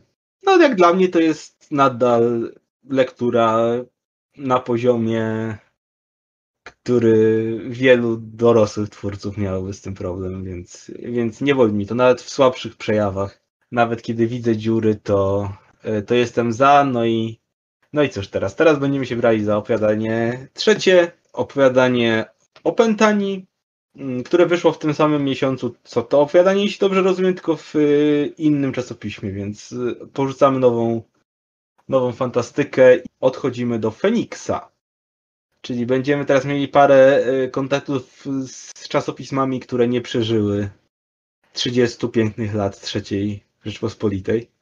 Bo została chyba tylko nowa fantastyka tak naprawdę zdrukowanych. Jeszcze niedawno była próba Fantomu, ale, ale nie udała się, koniec końców. Czy wydawca nie mhm. zdecydował się kontynuować? Też może teraz... dodajmy, dodajmy, jest wiele amatorskich projektów, które istnieją wyłącznie w internecie i publikują wiele takich materiałów, które by nie przeszły do druku, ale może to być kopalnia ciekawych tekstów też. Nie, najbardziej ja z tego co kojarzę, to choćby w tym przypadku już parę razy się zdarzało, że do Zajdla były właśnie e, opowiadania jakichś takich pomniejszych stron, które nie trafiły ani do własnych zbiorków, jak nie wiem, jak Filipiuk tworzy własne zbiorki opowiadań, ani nie trafiły do Nowej Fantastyki, która jest, no tak właśnie, jedynym, jedynym miejscem, gdzie można się wydrukować na serio. No, chyba, że się wydrukujesz w, czas w czasopiśmie niefantastycznym. Tak jest, nie jestem pewien, czy chyba były też takie opowiadania, które były pisane z innej perspektywy, ale trafiły do nominacji Zajdlowskich. Więc opcji jest, choć oczywiście jest, jest niejako biedniej niż, niż na początku lat 90., kiedy był ten zew biznesu, zew nowych czasopism i było tego wszystkiego dużo, ale niestety się skończyło, przyszedł do niego dziwiec, potężny pan internet i zabrał wszystkim zabawki. E, okrutnie. Więc, e, drodzy Państwo, bardzo dziękujemy za, za bycie tu z nami w kolejnym odcinku Mów Wyraźniej. Jak zwykle zachęcamy, by komentować nas na YouTubie, na platformach podcastowych, gdzie się znajdujemy, na grupkach, bo oczywiście linki będą wrzucone na grupkach. Mamy stronę na Facebooku Radio Anatema, więc też zapraszamy, polubcie nas, więc tam też oczywiście każda kolejna publikacja naszego radia będzie, będzie publikowana, e, linkowana. Życie jest ścieżką ciągłego bólu. Tak, więc y, subskrybujcie nas, lajkujcie nas. Y, jesteśmy wszędzie. Oprócz tego, jak zwykle, y, polecamy, polecamy na YouTubie zaprzyjaźnione kanały, czyli kanał RPGowy Dobre Rzuty i kanał literacki Gra w Zero. Gra w Zero blok literacki. Oba są naszych polecanych na YouTube. Oprócz tego polecamy jeszcze zaprzyjaźniony, tak jak zawsze, zaprzyjaźniony projekt też radio, radio Szybka Europa to jest tymczasem radio typowo muzyczne, yy, gdzie grają rozmaite właśnie kawałki w duchu, nazwijmy to szeroko konserwatywnym, bardzo różne, poczynając od, od jakichś francuskich pieśni bojowych z XIV wieku, przez jakieś, przez neofolk, muzykę z gier, sławny mongolski zespół The Who, Widziałem raz kawałek angielskiego The Who, więc, więc ten eklektyzm idzie bardzo szeroko. Ale jest to bardzo przyjemna rzecz, żeby sobie po prostu puścić, słuchać sobie muzyki w YouTube, więc możecie e, też zasubskrybować. I co jeszcze? E, jesteśmy obecni e, na razie w polskim, powiedzmy, katolickim fandomie internetowym, czyli zapraszamy na grupy facebookowe Fandomowi Katolicy. Zapraszamy na grupę Jak będzie z nerdami sekcja zbawionych, to jest grupka bardziej ekumeniczna. E, zapraszamy, czytajcie Jacka Dukaja, te jego wczesne opowiadania można znaleźć w internecie, więc trzeba korzystać, skoro nie chcę ich przedrukować, więc nie, nie da się ich kupić, nie da się, nie da się ich wypożyczyć z biblioteki zwykle, więc no co możemy robić? No działamy jak możemy. Działamy na takich warunkach, jakie nam na nieprzyjaciel narzuca. Dokładnie. Będziemy... Internet will find a way. E, tak, i na takich zasadach będziemy działać, bo, e, bo nie możemy się poddać, nawet jeśli nawet jeśli pan Jacek Dukaj chciałby, żeby ta końcówka, końcówka śmierci Matadora nie ujrzała już światła dziennego i została zapomniana, to my mówimy nie. Trzeba spojrzeć w prawdzie o sobie. Trzeba, nie wolno się bać, bo strach zabija duszę, tylko trzeba spojrzeć na strach i przejść przez niego i opublikować. Fear, fear is the mind killer. Czytajcie to opowiadanie, dyskutujcie o nim, zgłaszajcie je jako wasz tekst do matury z polskiego.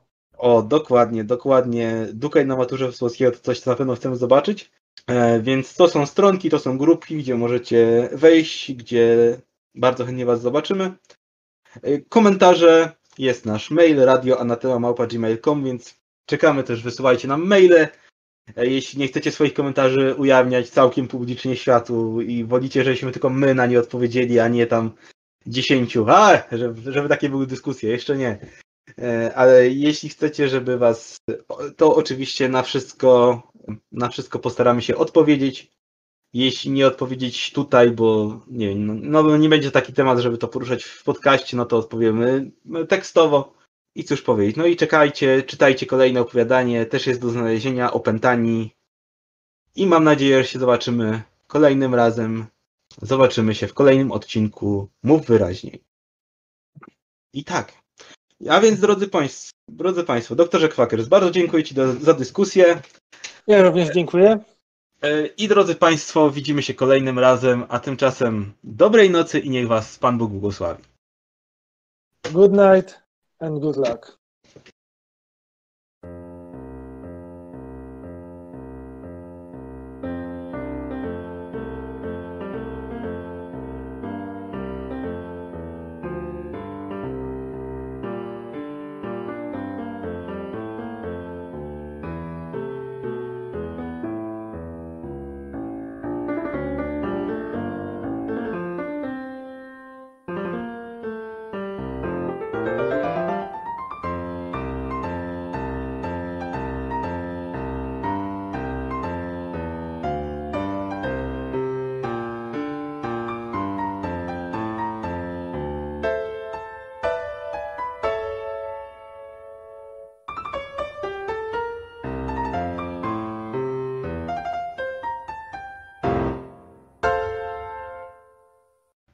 Półmetrowa bagietka, szynka, jajko na twardo, ogórek kiszony. Nie, nie, nie, nie, nie, wyłącz się. Nie, nie, nie, bo jak on zacznie gadać o jedzeniu, to się nie zamknie.